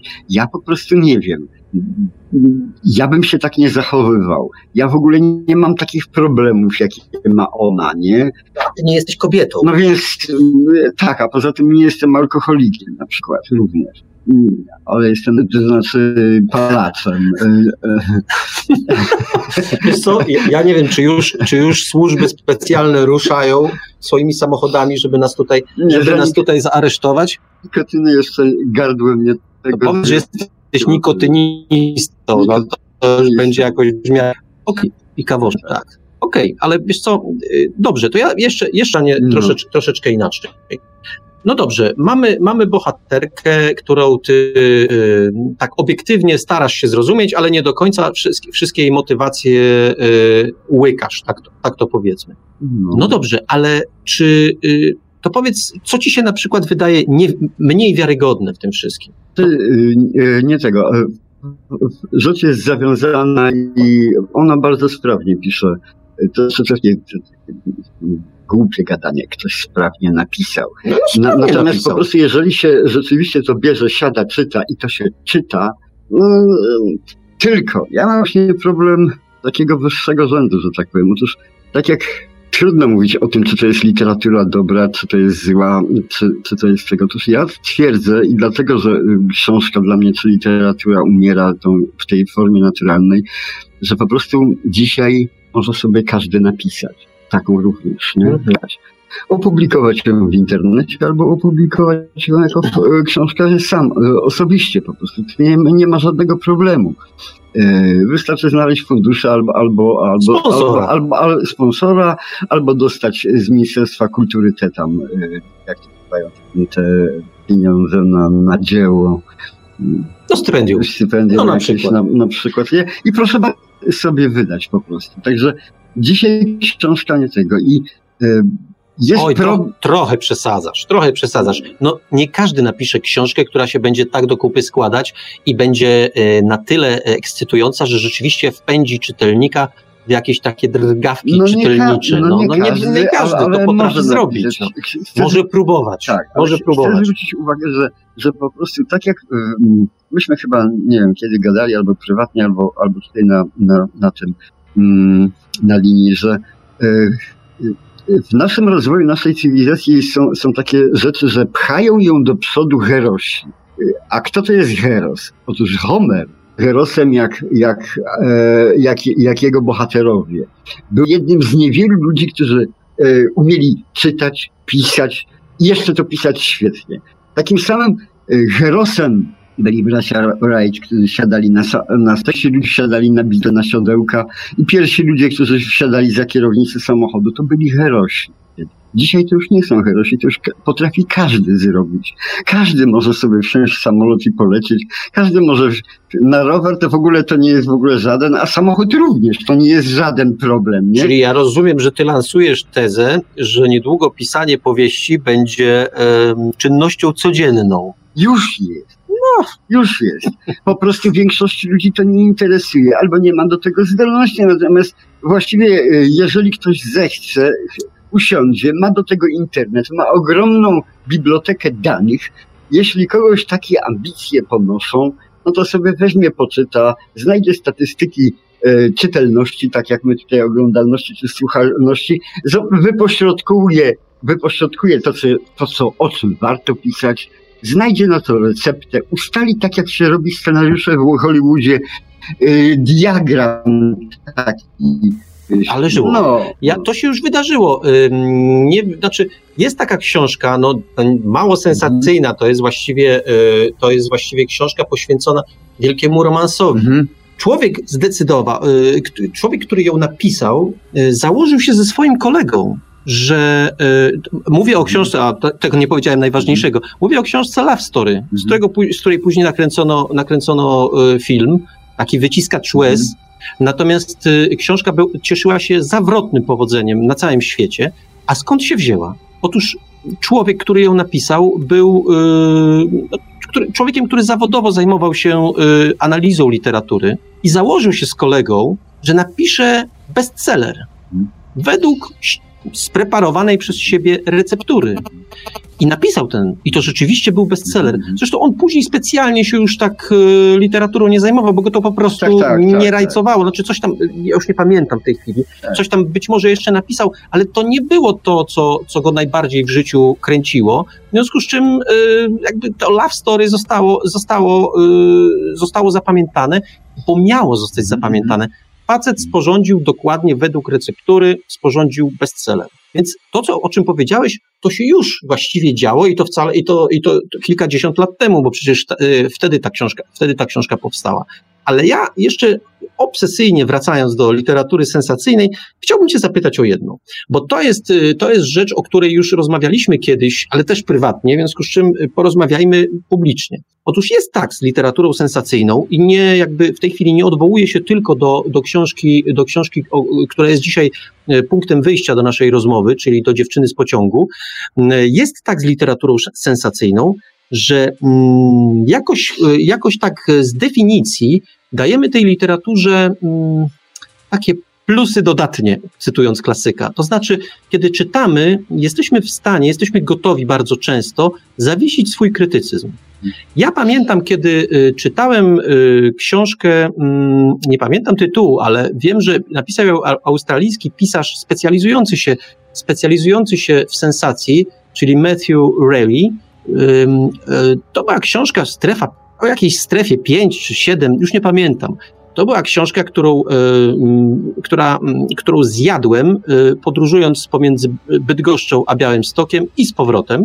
Zjadłem ją całą, bo to dosyć, dosyć, dosyć grube, grube dziełko było. E, zjadłem, zatrzasnąłem i stwierdziłem, no bez sensu. No po prostu część rzeczy tam była absolutnie bez sensu, co nie przeszkadzało mi naprawdę w niewiele godzin pochłonąć tę książkę. No więc postanowiłem rzecz zbadać u źródła i sięgnąłem po następne książki tego autora. I tu, tu już w ogóle były, jak to się mówi tak popularnie, yy, no jaja były kompletne, bo trafiłem na książkę, która, yy, która yy, no też szalenie mnie wciągnęła, tylko jak sobie zacząłem już w trakcie lektury analizować, to stwierdziłem, że ja czytam jak zwariowany coś, co się miejscami po prostu nie klei.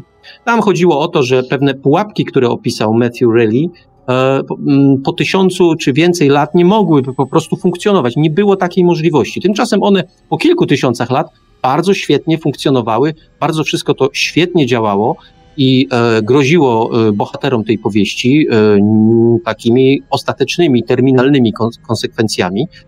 A zatem jak to jest? Znaczy, Podsumowując, jak to jest z tą literaturą sensacyjną, że ona, e, pomimo tego, że ewidentnie stwierdzamy, że robią nas w konia, to i tak dajemy się w to wciągnąć? To nie, chyba nie, nie dotyczy tylko literatury sensacyjnej, ale w ogóle wszelkie, wszelkiego rodzaju sztuki jako takiej. E, żeby my, sztuka istnieje, że tak powiem, nie, nie tylko sobie amuzą, ale że tak powiem, realizuje pewne rzeczy, na e, pewne oczekiwania, próbuje zrealizować pewne oczekiwania konsumentów tej sztuki. E, I my jako konsumenci, a jesteśmy również nie tylko twórcami, przede wszystkim konsumentami sztuki, po prostu, żeby nie marnować czasu w normalnym życiu, nie marnować, y, nie zmarnować po prostu tych dwóch godzin, trzech godzin, czterech godzin, pół dnia na konsumowanie tego, musimy zawieszać krytycyzm, bo inaczej byłby to czas zmarnowany. Zwróć uwagę, jak to, ty podajesz przykład książki, ale tak to najlepiej funkcjonuje, jak się ogląda filmy. Jeżeli cały czas y, masz ten swój krytycyzm, że tak powiem, trzymasz palec na singlu, no to taki film idzie na ostrze, i w ogóle tego nie oglądasz, nie? I w ten sposób y, żyje, żyje połowa tej cywilizacji, że tylko pach, pach, pach, pach, pach, przełącza, przełącza, przełącza i nic. Otóż, żeby cokolwiek z tego y, y, harmideru wynieść, trzeba jednak odłożyć, spuścić ten palec z cęgla i po prostu zmarnować dwie godziny czasu. Po prostu pooglądać, y, obejrzeć film tak, jaki on jest z pełną akceptacją kretyńskiej idiotki, która tam się wygłupia i faceta, który nie wiem, co ma w spodniach i w ogóle wszystko. Fajnie, wczuwamy się w rzecz po dwóch godzinach, y, kiedy żeśmy przeżyli ten film, bo on był po to, żeby go przeżyć. Kiedy żeśmy w miarę, oczywiście jest kwestia mm, granicy przyzwoitości jakieś takie, że to jest do łyknięcia albo nie, ale większość tej kultury jest jednak do łyknięcia. Po dwóch godzinach takiego, takiej brędzy, że tak powiem, hu, odetchniemy i potem powiemy to samo, co ty powiedziałeś. O Boże, przecież to jest bezsens. Co oni wyprawiają? Żadnego, każdy psycholog, każdy psychiatra w ogóle się postuka w głowę, bo ten człowiek nie reaguje w ten sposób. Tak biolog powie, że jego żołądek, że tak powiem, nie robi e, takich cyrków zresztą organizmu w takiej sytuacji, a nie innej i tak dalej. To wszystko po fakcie, ale żeby y, siedzieć i dwie godziny analizować idiotyzm, to jest dopiero idiotyzm. No, No. tak, no powiem ci, ja, ja akurat należę, jeśli chodzi o kino, do ludzi absolutnie naiwnych. Znaczy, ja wyłączam, wyłączam No tak. jakikolwiek krytycyzm, kiedy idę do kina.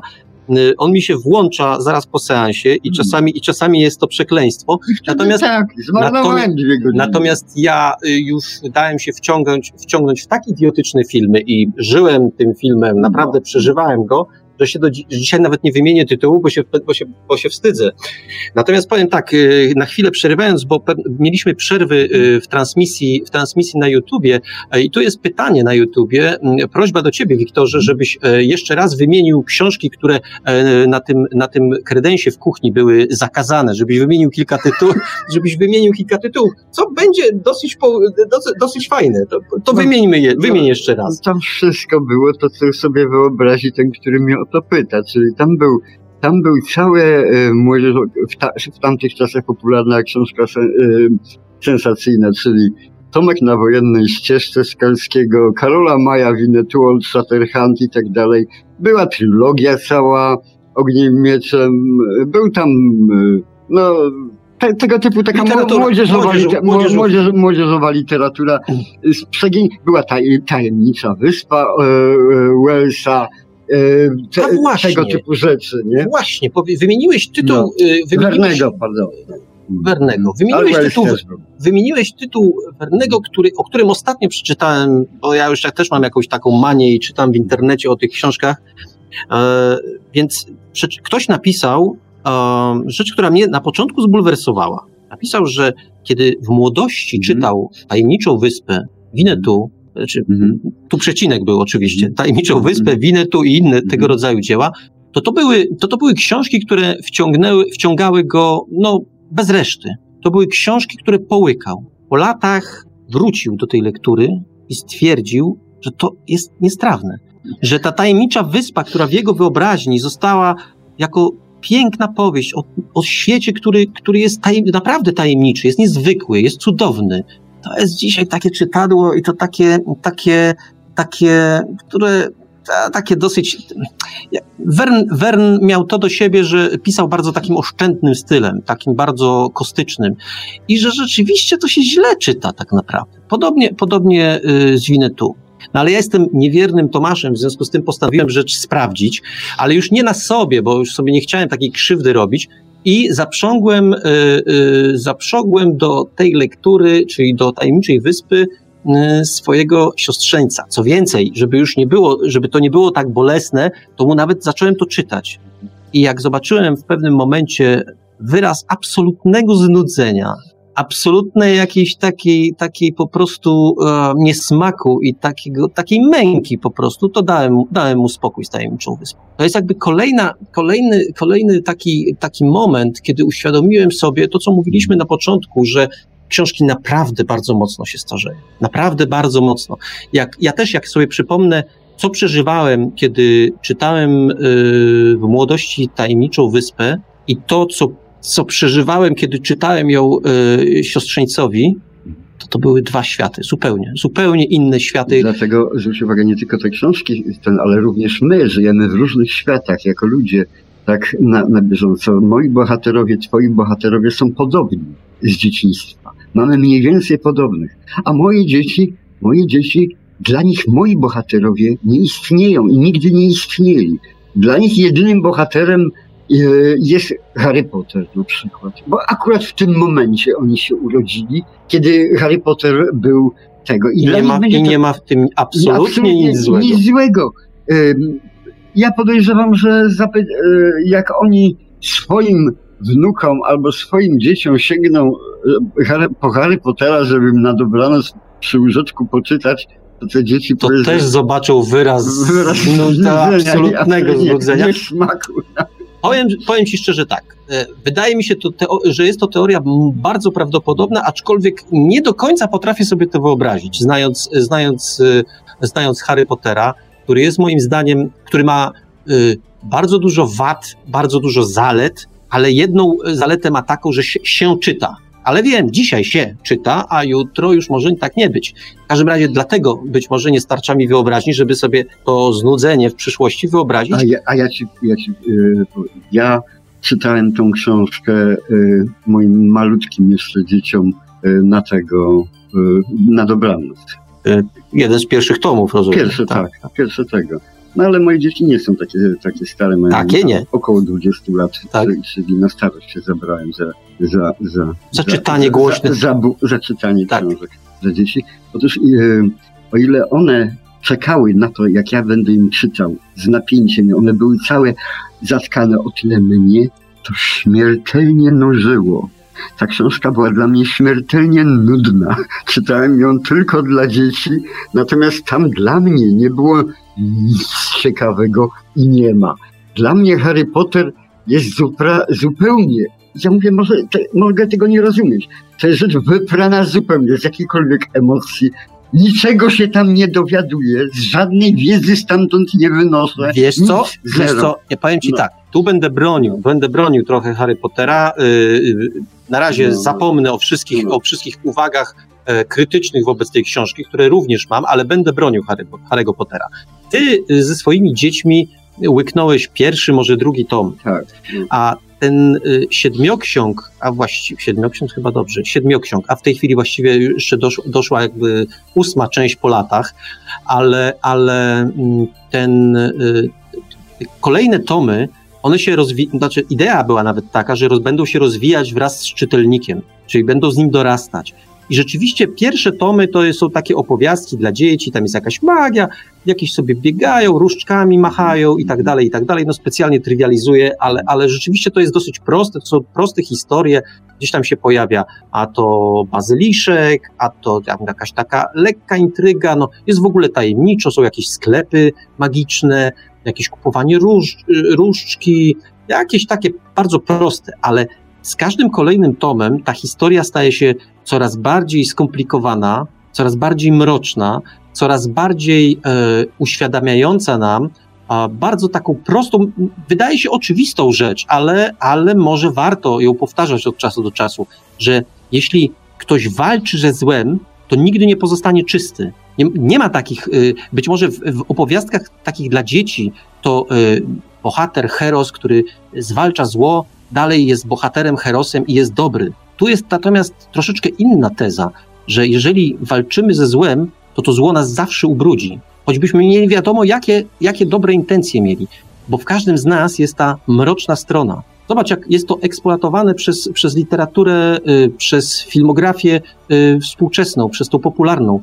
Y, masz Gwiezdne Wojny, mroczną stronę mocy, jasną stronę mocy, ale też tam jest ten problem, że nie da się walczyć ze złem i nie zbrukać się. Więc dlatego, dlatego bronię, no, powiem tak, no, te pierwsze, pierwsze tomy to były rzeczywiście takie tomy dziecinne. I może, może dlatego cię tak nudziły. Myślę, że gdybyś, gdybyś dotarł do późniejszych części, nie wiem, w każdym razie one mogły być intrygujące. Czy one by ci się podobały i czy, czy, czy jakoś poruszyły te literackie nuty y, w twoim sercu, to nie wiem. Natomiast na, myślę, że wydały być się bardziej intrygujące. Nie, już widzę, że nie. Już widzę, że byłbym nie tylko obojętny i znudzony, ale byłbym wrogiem tej książki. Zajadłem. Wrogiem. No to wytłumacz się. Z bardzo prostego powodu. Tej tezy, y, ku której ty powiedziałeś, że ta, ona mhm. zmierza tak jak większość naszej kultury mhm. europejskiej. Choćby ta teza, że nie można walczyć ze złem i się nie ubrudzić. Jest to bardzo piękna teza i słuszna.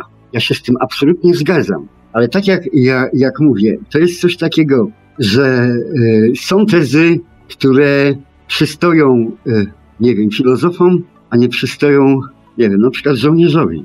Y, otóż, jeżeli, jakby to powiedzieć, jakby to, jakby to, dobrze, powiem to bardzo prosto z mostu. Jeżeli jakiś filozof stwierdzi, to zresztą zostało zrobione, że i nie istnieje dobro, i nie istnieje zło, to są rzeczy obiektywnie no, po prostu są, jeśli to powie filozof, to ja go rozumiem i akceptuję. E, I on powiedział słuszną rzecz, bo nie ma dobra i nie ma zła. Jeśli powie to filozof, że nie można walczyć ze złem i się nie ubrudzić, to ja to rozumiem. Ale jeżeli przyjdzie autor, książki albo poseł na Sejm, albo y, nie wiem, jakiś prezydent jakiegoś kraju przekona do tej tezy cały swój naród, albo przekona cały kontynent, albo naszą cywilizację do tej tezy, to tego autora należy, tego należy, ja bym osobiście udusił rękami w kołysce. Po prostu. To jest ktoś, kto szykuje zbrodnię dla, y, i szykuje koniec tego świata. To jest zbrodniarz. Y, także mówię, pewne rzeczy obiektywnie słuszne nie są, nie można, przepraszam, żo- ja, ja, ja akurat przypadkiem sięgnąłem do żołnierza. Jeśli by żołnierz był szkolony przez swoich, że tak powiem, oficerów Y, no, stary, masz strzelać i tak dalej, ale tak naprawdę to on jest tak samo zły jak ty i tak samo dobry jak ty dobry, no to przepraszam bardzo. Co to jest za szkolenie żołnierza? Ale przepraszam cię bardzo, po pierwsze, nie wszyscy jesteśmy żołnierzami. No. Po drugie, ja na przykład to odczytuję. Czy ty, ja to tak, ja to tak naprawdę, wiesz, z punktu widzenia y, życia państwa czy, y, czy, czy, czy, armii, to co powiedziałeś jest być może prawdziwe, ale z punktu widzenia człowieka, ty mi każesz uwierzyć, że człowiek po drugiej stronie granicy, y, przeciwko którego stają, y, stają nasi żołnierze, jest zły, a my jesteśmy, y, jesteśmy tymi dobrymi? Nie. Tak przecież nie jest. Przecież tak nie jest.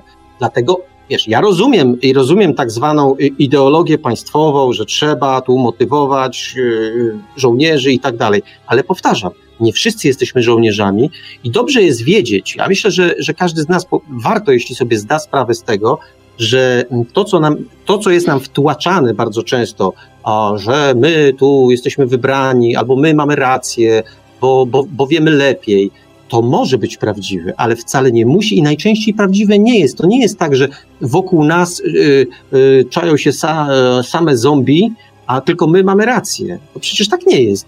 No i ja myślę, że, y, y, że czasami może dzieciom albo młodym ludziom warto jest to uświadomić, że nie jest tak, że, że tylko my mamy rację, a inni racji nie mają. I dlatego ja uważam na przykład, że y, z tego właśnie powodu a ja bym jednak autor, tej autorki nie dusił ani w kołysce, ani później. Nie, bo ja mówię zupełnie innym. Ja mówię zupełnie, Marku, kochany, o, zupełnie o czym innym. Otóż yy, ja nie mówię o tym, że ja widzę wroga po tamtej stronie linii frontu i tak dalej. Ja sobie doskonale zdaję sprawę, że on jest taki sam jak ja. On jest taki sam jak ja. Więc skąd konflikt? Gdzie ten konflikt? Nie zło i dobro. Zło i dobro tu nie ma nic wspólnego. Jest jakiś konflikt. Konflikt o coś. O, nie wiem, o, o, o, o granice, o ziemię, o rynki zbytu, o, o, o markę firmową, jakikolwiek konflikt po prostu. Tak, I ale tym... ty to mówisz dlatego, że analizujesz, ale jak to jest przedstawiane w tak zwanej propagandzie? My mamy rację, bo walczymy o słuszną sprawę, a oni są podli, i zagrażają nam i walczą o niesłuszną sprawę. No jak się odbywają wojny? Przecież propaganda zawsze pracuje na tym samym, na tym samym y, takim um, paliwie. My dobrzy, oni źli. Dobrze. Tak to działa? Dobrze, w porządku. No i, i, i w tym momencie e, dajmy na to, że nie ma tam, ty mówisz o propagandzie, ale na nas tu w tej chwili, dajmy na to, w, w Europie najeżdża Dżingis Khan. I ty jesteś tym filozofem, który siedzi i, i tłumaczy. Nie, nie. Poczekaj, poczekaj. Tłumaczy swoim współplemieńcom, oni są tak samo dobrzy jak my. Tu nie ma zła, nie ma dobra, i tak dalej. Dobrze, celny cios, no. celny cios jest, przyznaję. W takich sytuacjach ekstremalnych y, rzeczywiście nie ma miejsca na filozofowanie albo uświadamianie ludziom y, humanistycznych wartości, bo się czasami trzeba po prostu. Y, po prostu trzeba się bronić. Nie istnieją, trzeba się bronić. Ta płaszczyzna. No, tak, dialogu, ale, no. ale w czasach, kiedy, y, w czasach, kiedy, kiedy coś takiego, no teraz akurat może to, może to są, nie, nie są te czasy, ale w tych chwilach nielicznych historii, kiedy kiedy nie ma takiego zagrożenia, to myślę, że część ludzi y, dobrze. Nie ma takich chwil. Dobrze, ale myślę, że warto, że... to inaczej. Myślę, że część, że część ludzi, albo jak największa część ludzi, warto, żeby miała z tyłu głowy chociażby taką refleksję, że może, może nie zawsze trzeba tego wroga y, wdeptać w ziemię i nie wiem, rozwłóczyć go, rozwłóczyć go końmi, tylko może czasami warto pamiętać o tym, że coś sprawiło, że on tutaj przyszedł. To być może są nawet jakieś złe intencje, ktoś go podpuścił, ale to nie jest tak, że on tutaj przylazł, bo jest zły z, natury swojej. I o to, o to tak naprawdę chodzi. Pewno nie rozstrzygniemy tego konfliktu, bo ja ci y, mam o tyle problem, o tyle problem z tą, nas, z tą naszą dyskusją, że ja bym y, tak się jak ta żaba musiał rozdwoić, bo ja częściowo tobie chcę przyznać rację, a częściowo chcę bronić, bronić swojej tezy, i to tak zawsze, wiesz, jak się żaba próbuje y, pójść na lewo i na prawo, to nic z tego specjalnie dobrego nie wychodzi. Także, także ale wiesz co, ja, ja, ci powiem jeszcze, ja ci powiem jeszcze jedną, ja ci powiem jeszcze jedną y, rzecz, która, która, y, która wydaje mi się, zostawmy już, zostawmy już Harry'ego Pottera, która wydaje mi się, wydaje mi się ważna, że mm, literatura, czy to młodzieżowa, czy to, czy to, y, czy to sensacyjna, o której mówiliśmy, czy też obyczajowa, o której, o której wspominaliśmy, to ważną rzecz, myślę, powiedziałeś, aczkolwiek bardzo enigmatyczną i myślę, że warto to rozwinąć, rozwinąć chociaż nie będzie łatwo, od razu to mówię. Padła taka teza, że bez względu na to, jaka to jest literatura, czyli sensacyjna, kryminalna, obyczajowa, dziecięca, młodzieżowa i tak dalej, to musi być literaturą dobrą. I tu dochodzimy do takiego kamienia filozoficznego literatury, czyli co to jest dobra literatura. I ja nie sądzę, żebyśmy na to pytanie dzisiaj odpowiedzieli, natomiast możemy jakieś tezy rzucić ewentualnie. To co to jest dobra literatura? Wiesz, to jest, to jest tak jak, za przeproszeniem, z dobrą zupą. Cholera wie. Otóż e, e, można zrealizować pewien przepis na zupę, można go wyczytać w internecie i tak dalej, zamieszać i tak dalej i z tego zupa nie wejdzie. A stanie przy tym kucharz, nie wiadomo co zrobi innego, nie wiadomo. Może ta ręka mu się zatrzęsie przy sypaniu tej szczypty soli w tą albo w drugą stronę i to jest arcydzieło po prostu. Tu mamy e, bardzo prostą definicję. Potrzebny jest dobry kucharz. Żaden przepis się sam nie zrealizuje po prostu, nie? Wiesz, Prawda, że to jest to, co ja mówiłem o, o tym naszym szczególnie europejskim indywidualizmie.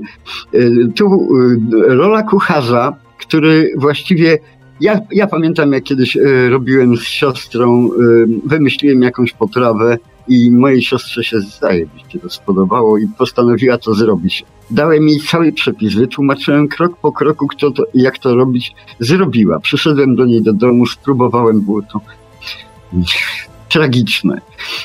Powiedziałem jej to, zrobiła drugi raz. Telefon się urywał kiedy do mnie z pytaniami krok po kroku. Zrobiła, przyjechałem, spróbowałem, nic nie warte. Powiedziałem, siostra, ty się niczego nie nauczysz. Chodź, idziemy na rynek, kupiliśmy razem warzywa, wróciliśmy do domu, do jej domu, położyliśmy te wszystkie warzywa na stole, położyliśmy dwie deseczki i zaczęliśmy robić dwie zupy. Osobno, ja i ona. I ona mi patrzyła na ręce i krok po kroku robiła wszystko to samo. Rzuciła do garka, zamieszała i tak dalej. Spróbowaliśmy, jej była do niczego. A dlaczego? A dlaczego? Bo ja wkładałem serce, a ona tylko rozum. Rozumiesz? Ona próbowała zrozumieć przepis i go zrealizować. A ja, kiedy robiłem tą zupę, w ogóle o rozumie nie myślałem. Ja grałem, no, no, próbowałem zagrać na tej trąbce, na tych skrzypcach, na tej zupie. To był instrument do zagrania, a nie kurde e, nuty do e, no, odczytania. No nie? dobrze, no, no dobrze. No. E, chciałbym cię, wiesz, ale Gdzieś będę ci cisnął, będę ci cisnął, będę ci cisnął, bo zachowam się jak taki klasyczny, klasyczny y, natręt i klasyczny, klasyczny człowiek, który y, mówi, że nie rozumiem. No więc ja nie rozumiem, to mi teraz wytłumacz dobrze. Przyjmuję do wiadomości, że trzeba mieć, y, trzeba mieć do dobrej literatury, trzeba mieć dobrego kucharza. Do, do tego, dobrego no, ale to, lektora. Ale e... trzeba, ale na czym polega to, że ktoś jest dobrym kucharzem? To to bym chciał. Powiedziałeś, że wkłada serce. Okej, okay ale jakbyś to tak miał przełożyć na konkrety, to o co chodzi? A o co chodzi? Chcesz mi o magii? Jest dobrym tylko nie, pisarzem. Tylko nie, nie mów mi o magii. Nie, nie, nie mów mi o magii. Tu nie mówię o magii, a ktoś jest dobrym pisarzem, a ktoś jest... Pisali ludzie tak nieprawdopodobnie inteligentni, yy, prawie geniusze, a robili gnio, gnioty i tak dalej. Tu nie o to chodzi. To nie jest wymiar rozumowy. To jest rzecz właściwie... Yy, pisarz jest też dziełem sztuki po prostu. Albo udanym, albo nieudanym po prostu. Albo natura, naturze się udał jako dzieło sztuki, albo się nie udał.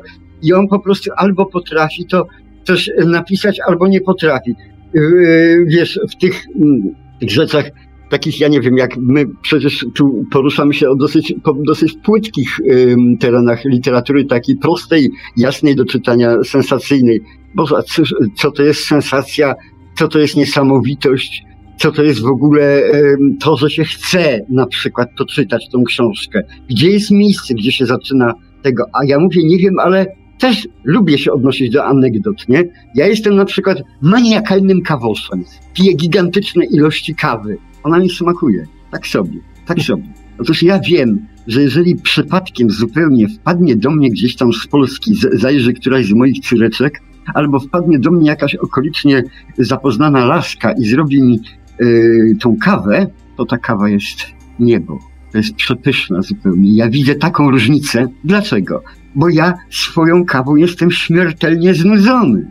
Ja ją robię lepiej. Na pewno lepiej od moich córek i od tych e, przyjaciół, ale ja jestem nią znudzony. I w tym momencie nagle zrobiona przez kogoś, ona mi smakuje jak, jak ambrozja. To jest niebo. Ona by mi tak na pewno będzie smakowała przez dwa, trzy dni, po czym powie, ty stara, weź to zostaw, ja to zrobię, bo to robię lepiej, nie? Ona na pewno tak będzie, ale widzisz, ta innowac- nowa rzecz, czyli nowość, em, intrygi po prostu jakieś, y, choćby zmiana, Boże mój, przecież, przecież rolnicy to stosowali, płodozmian kiedyś, nie? Taka metoda uprawy roli. Nie można tego samego dawać bez przerwy. Nie można bez przerwy ujeżdżać e, jeździć bohaterami na koniach i strzelać z łuków i, i, i, krzyczeć ła, ła, ła, ła, ła, ła i macha, rzucać ma, to machawkami.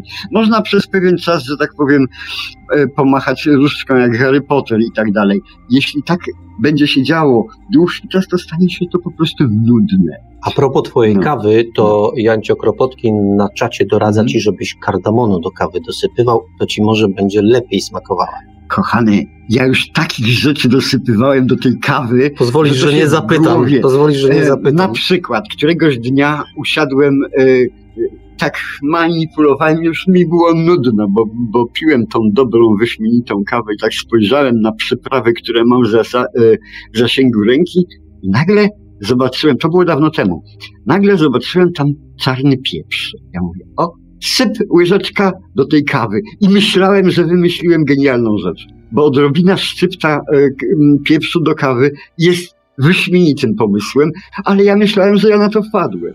Po czym przyjechała jakaś moja przyjaciółka, która akurat szlajała się po Europie i powiedziała, Wiktor, jak jej to powiedziałem z emocją, mówi Wiktor, w każdej dobrej restauracji, kawiarni francuskiej znajdziesz oczywiście, dostaniesz kawę z, ze szczyptą pieprzu. To nie jest twój pacjent, po prostu, nie? No, także dosypywać do, do kawy można absolutnie wszystkiego i próbować po prostu. Próbować, a, chili też tu dosypałem, też jest rewelacja. No. Okej, wróćmy jeszcze na chwilę Mhm. do literatury, bo e, powiedzieliśmy o różnych rzeczach. Powiedzieliśmy o różnych rzeczach, jeśli chodzi o, o, o pisanie, o to, jak to, się, jak to się wszystko promuje. Natomiast nie masz takiego wrażenia, mm, może, może się najpierw zażegnam, że nie chodzi mi do końca o, o naszą dzisiejszą bohaterkę, czyli książkę, y, książkę Dziewczyna z pociągu, ale nie masz wrażenia, takie się zarzuty zresztą pojawiły wobec tej książki, nie do końca je podzielam, że dzisiaj właściwie można wypromować wszystko. Cokolwiek komukolwiek z pióra skapnie, czy to jest dobre czy złe, to tak naprawdę nie ma najmniejszego znaczenia. Jeśli ktoś się uprze, żeby wypromować jakiegoś gniota, to go wypromuje. I co więcej, że go wypromuje, że ludzie go będą kupowali, to jest jeszcze, powiedzmy, to jest jedna, jedna część zadania. Ale co więcej, ludzie takiego gniota gotowi są chwalić, przyjmować, że jest świetny. No i co ty na to? Dobrze, ja. Dobrze? To się dobrze pokrywa z moją tezą, że dzisiaj również e, w świecie, że tak powiem, przyrodoznawstwa panuje identyczny trend. Otóż wystarczy wymyślić jakąkolwiek e, fa- fajną, zabawną historyjkę, która może się rozegrać w świecie kwantów, a tam się może bardzo wiele rzeczy e, rozegrać. Następnie znaleźć e, z 20-30 współwyznawców, którzy będą, że tak powiem, funkcjonowali tak, jak apostołowie funkcjonowali. Ci apostołowie pójdą w świat, znajdą sponsorów, dotrą do rządów, do dotacji, do, e, na uniwersytetach znajdą młodzi ludzi, młodych ludzi, którzy czytają akurat pana, pana Tadeusza i się nudzą. No i następnie wypromujemy ten światopogląd, ten pomysł jego, wszyscy zaczną go badać i nagle się okazuje, że to jest prawda. Że to to- jest straszne, co ty mówisz. No. No straszne. Nie jest straszne, ale to tak, mnie, mnie to przeraża. Mnie to Świat- przeraża. Świat jako wielki market, w, któ- w, do którego wchodzimy i kupujemy co chcemy, bo to tak A ty wiesz, że badania socjologiczne No. y, stwierdziły ostatnio, że pokolenie internetu, Tak. wychowane na internecie, y, jest zupełnie, zupełnie inne niż to starsze pokolenie. To znaczy, to pokolenie uważa, że cały świat jest skonstruowany po to, żeby, żeby spełniać ich życzenia. No, no. Bo taki jest internet. no tak. No tak. Bo kiedyś, pamiętasz, jak e, m, pół Polski biegło do domu, żeby oglądać jakiś serial, bo odcinek Mhm. był, a później go nie było. Dzisiaj młode pokolenie, ja już uważam, że to bardzo dobrze, to znaczy to ja tego nie, nie mówię w formie zarzutu, wręcz przeciwnie, ale y, jak się zmieniają obyczaje, jak się zmieniają przyzwyczajenia, dzisiaj, jeżeli ktoś czegoś nie obejrzy w telewizji, a najczęściej już się telewizji właściwie nie ogląda, to znajdzie ten swój ulubiony serial w dowolnym momencie w odpowiednim miejscu w sieci. Czyli tylko to ma niestety czasami również, e, również e, takie czysto społeczne przełożenie i tu nie tyle dzielę się swoją wiedzą, co wiedzą e, czysto socjologiczną. Otóż, otóż według badań wygląda tak, że kiedyś jak człowiek zatrudniał się, szedł na rozmowę kwalifikacyjną, no to wiedział, że musi tam trochę uszy po sobie położyć i musi tam się dobrze zaprezentować, musi dobrze wyglądać, musi powiedzieć tam błysnąć na tej rozmowie kwalifikacyjnej, a później, kiedy już tę pracę wymarzoną dostanie, no to musiał zapłacić tak zwane frycowe, musiał tam pewne, pewne etapy, etapy tego, tego wdrażania się do, do tej nowej pracy przechodzić. Czasami było to mniej lub, lub bardziej bolesne, a dzisiaj jest inaczej. I ja wcale nie mówię, że to jest źle. Dzisiaj jest tak, że bardzo często y, zjawia się y, młody albo troszkę już mniej młody człowiek w pracy, y, w potencjalnej pracy, na rozmowie kwalifikacyjnej i pyta, a co wy mi macie do zaoferowania? Chciałbym to, to, to, a czy w ogóle będę mógł wyjść o tej porze, bo ja uprawiam jogę i w związku z czym muszę wychodzić o tej porze, ponieważ zawsze ćwiczę, no więc nie widzę powodu, żeby nie ćwiczyć. I powtarzam, to nie są moje jakieś tam odkrywcze tezy, bo to by, to by akurat było mało warte. Natomiast to są, to są wyjątki, a właściwie mm, e, wygadki z mojej strony z badań, które były autentycznie przeprowadzone. Świat się naprawdę zmienia i to jest dla mnie najlepszy dowód tego. No ja aż żałuję, widzisz, ja jak zatrudniałem do własnej firmy komputerowej w dawnych, ubiegłowiecznych, 50 lat temu czasach e, młodych ludzi, to interes, e, zupełnie mnie interesowało jego wykształcenie, co potrafi i tak dalej, tamten i tak dalej, tylko się mu przyglądałem. Nie? E, I na ile jest, na ile jest giętki, na ile jest e, bystry, na ile z niego można wy, wyciągnąć dużo więcej niż on sam sobie wyobraża, nie? No i ja też e, bardzo często przyjmowałem ludzi, których, którzy niczego nie potrafili tak naprawdę e, zrobić, natomiast rozwojowo byli kapitalni. Dzisiaj spotykałem, będąc takim na przykład e, jakimś menadżerem, który zbiera takich ludzi, ja bym też się z ciekawością przyglądał facetowi, e, jak on mi, jakie on ma potrzeby. Bo według Mhm. tych potrzeb mógłbym go ocenić wymiar jego intelektu, jego Super, umysłowości, według potrzeb po prostu. Jak on by chciał tylko, że tak powiem, mieć prawo do zjechania dwa razy w, ciągu dnia windą w górę i w dół, no to przepraszam, tak, dziękuję za takiego faceta. że tak, sobie zrymu, że tak sobie zrymuje, bez wątpienia świat się zmienia. No. Ale jeszcze wrócę do tego, co mówiłem wcześniej, że, y, że mm, to. Że literaturę się właściwie w tej chwili promuje, Tak. albo to w ogóle y, rzeczy, które są pisane, promowane są. I tu ja nie byłbym sobą, gdybym, gdybym tego, te, te swojej ulubionej sceny nie, przy, nie przytoczył, może nie ulu, ulubionego filmu. Jest taki film Atlas Chmur, e, zrobiony na podstawie jeszcze lepszej książki pod tym samym tytułem. I tam jest taka piękna scena. Y, Na dachu bodajże y, jakiegoś wysokiego budynku odbywa się przyjęcie. Na tym przyjęciu obecny jest y, pisarz, który wydał bodajże debiutancką swoją powieść. Pamiętam tytuł, bo był absolutnie, absolutnie piękny. Wryja. No i ta powieść została zjechana przez jednego z krytyków. Zresztą notabene nie cieszyła się takim ogromnym powodzeniem. No i, i jej twórca, pisarz, wpadł na pomysł, jak ją sobie zapromuje. Chwycił tego, tego, tego recenzenta i go wyrzucił z tego entego piętra. No, jakby skutek wiadomy, ale od tego czasu ta powieść zaczęła się sprzedawać jakby lepiej, a nawet bardzo dobrze. Jeśli weźmiemy pod uwagę, że bardzo podobne zdarzenie miało y, miejsce w Polsce, gdzie pewien y, twórca, pisarz, no nie wiem jak go właściwie nazwać, opisał to, co zrobił y, w książce, a chodzi o morderstwo. Ta książka zresztą później była jednym, o ile dobrze pamiętam, jednym, jednym z dowodów, czy też poszlak w procesie, którym został skazany. Ale też paradoksalnie, o ile wcześniej książka, przed procesem książka nie cieszyła się tak wielkim e, powodzeniem, to w chwili, kiedy, kiedy wybuchła sprawa, e, sprawa karna, wybuchła, wybuchł proces, to książka na aukcjach, aukcjach internetowych zaczęła osiągać no, niezłe ceny. Czyli to jest kolejny dowód na to. I ta historia filmowa z Atlasu Chmur, który notabene polecam, zarówno w wersji książkowej, jak i filmowej, bo oba te dzieła, chociaż różne zupełnie, to są zupełnie różne, różne dzieła, ale oba są fascynujące. Oba, oba mocno przeżyłem. Naprawdę, naprawdę książka, którą, którą mogę z czystym sumieniem polecić, aczkolwiek wiem, że znajdą się tacy, którym się to nie podobało i to też, to też szanuję. Natomiast to jest najlepszy dowód, y, że ta teza o promowaniu czegokolwiek jest prawdziwa. Oraz ta twoja, że właściwie każdy może coś napisać. Ale yy, zwróć uwagę, że my bez przerwy wszyscy y, autorzy próbowali promować się, siebie się. albo swoje dzieła. No, y, już sięgając, że tak powiem, dosyć płytko, co wszyscy pamiętają, y, znają oczywiście słoneczniki Van Gogha. Y, I rysy są lepsze, Twoim nie, zdaniem? nie, moim zdaniem i tak dalej, ale i tak najwspanialszą rzeczą w Van Goghu jest to, że sobie uciął ucho. No i wszyscy to pamiętają. To wszyscy pamiętają. Wszyscy pamiętają. I zwolennicy irysów, i zwolennicy y, słoneczników po prostu, bo on się tym wypromował, nie?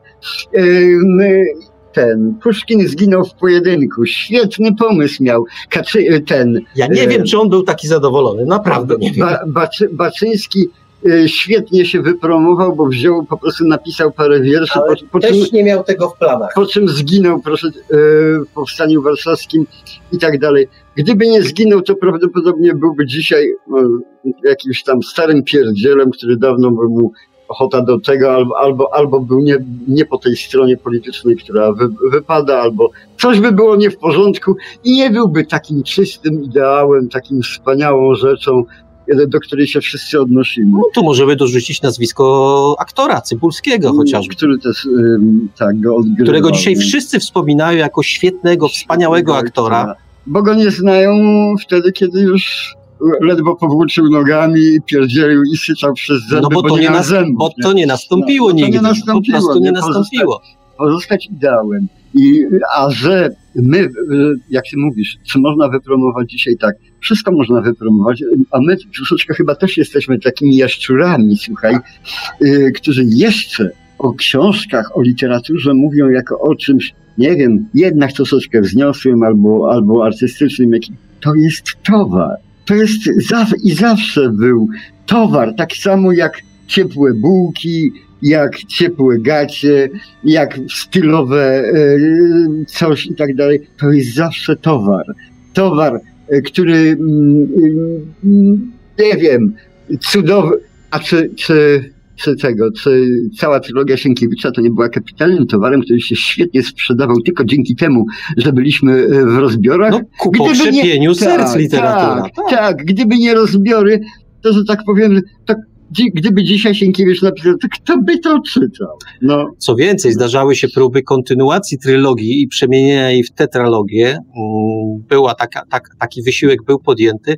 No i ten czwarty tom, no nie cieszył się powodzeniem. No nie cieszył się niestety.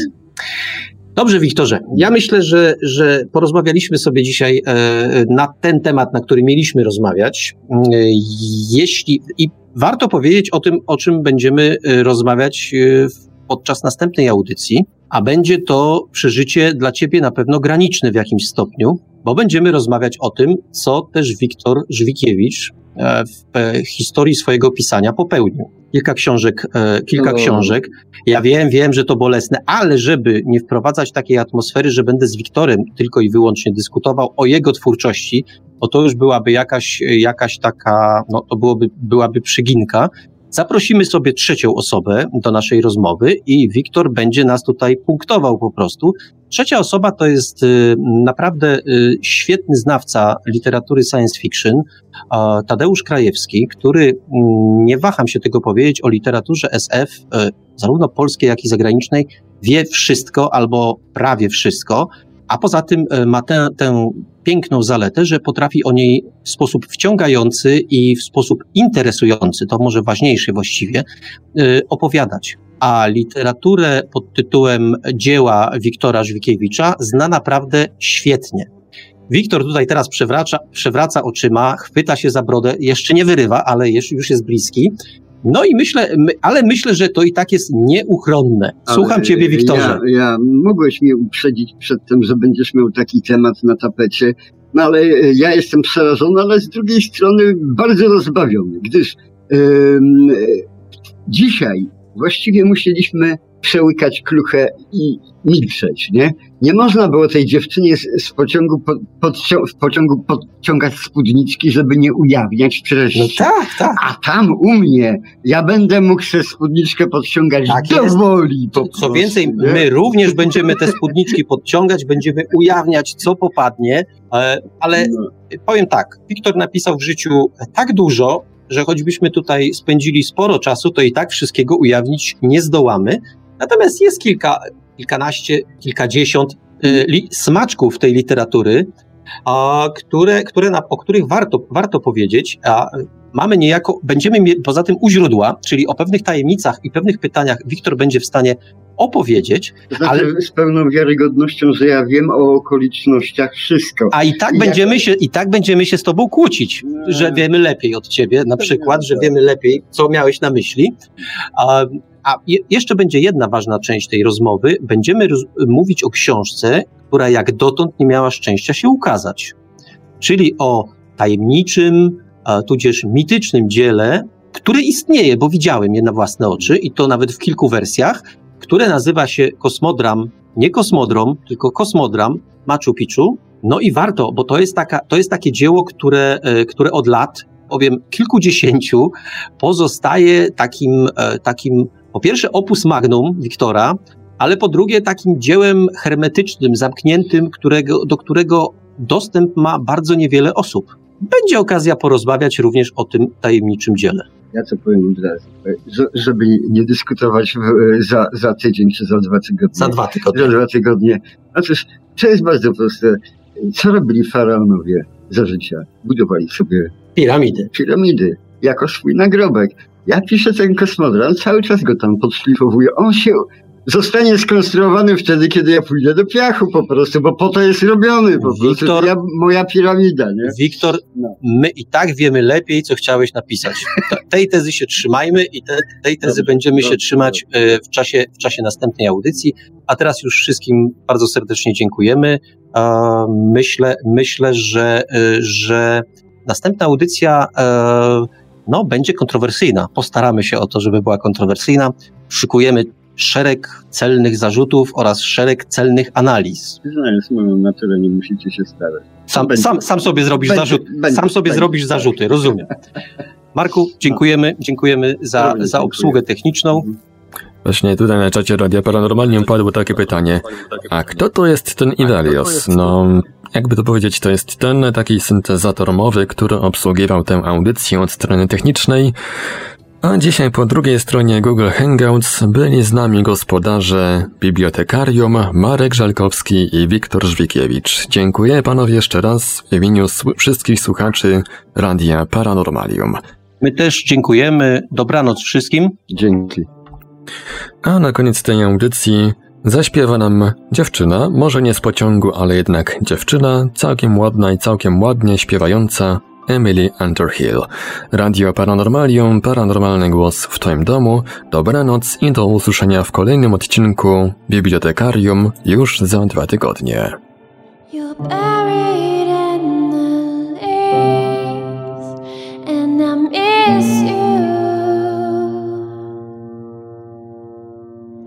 I see you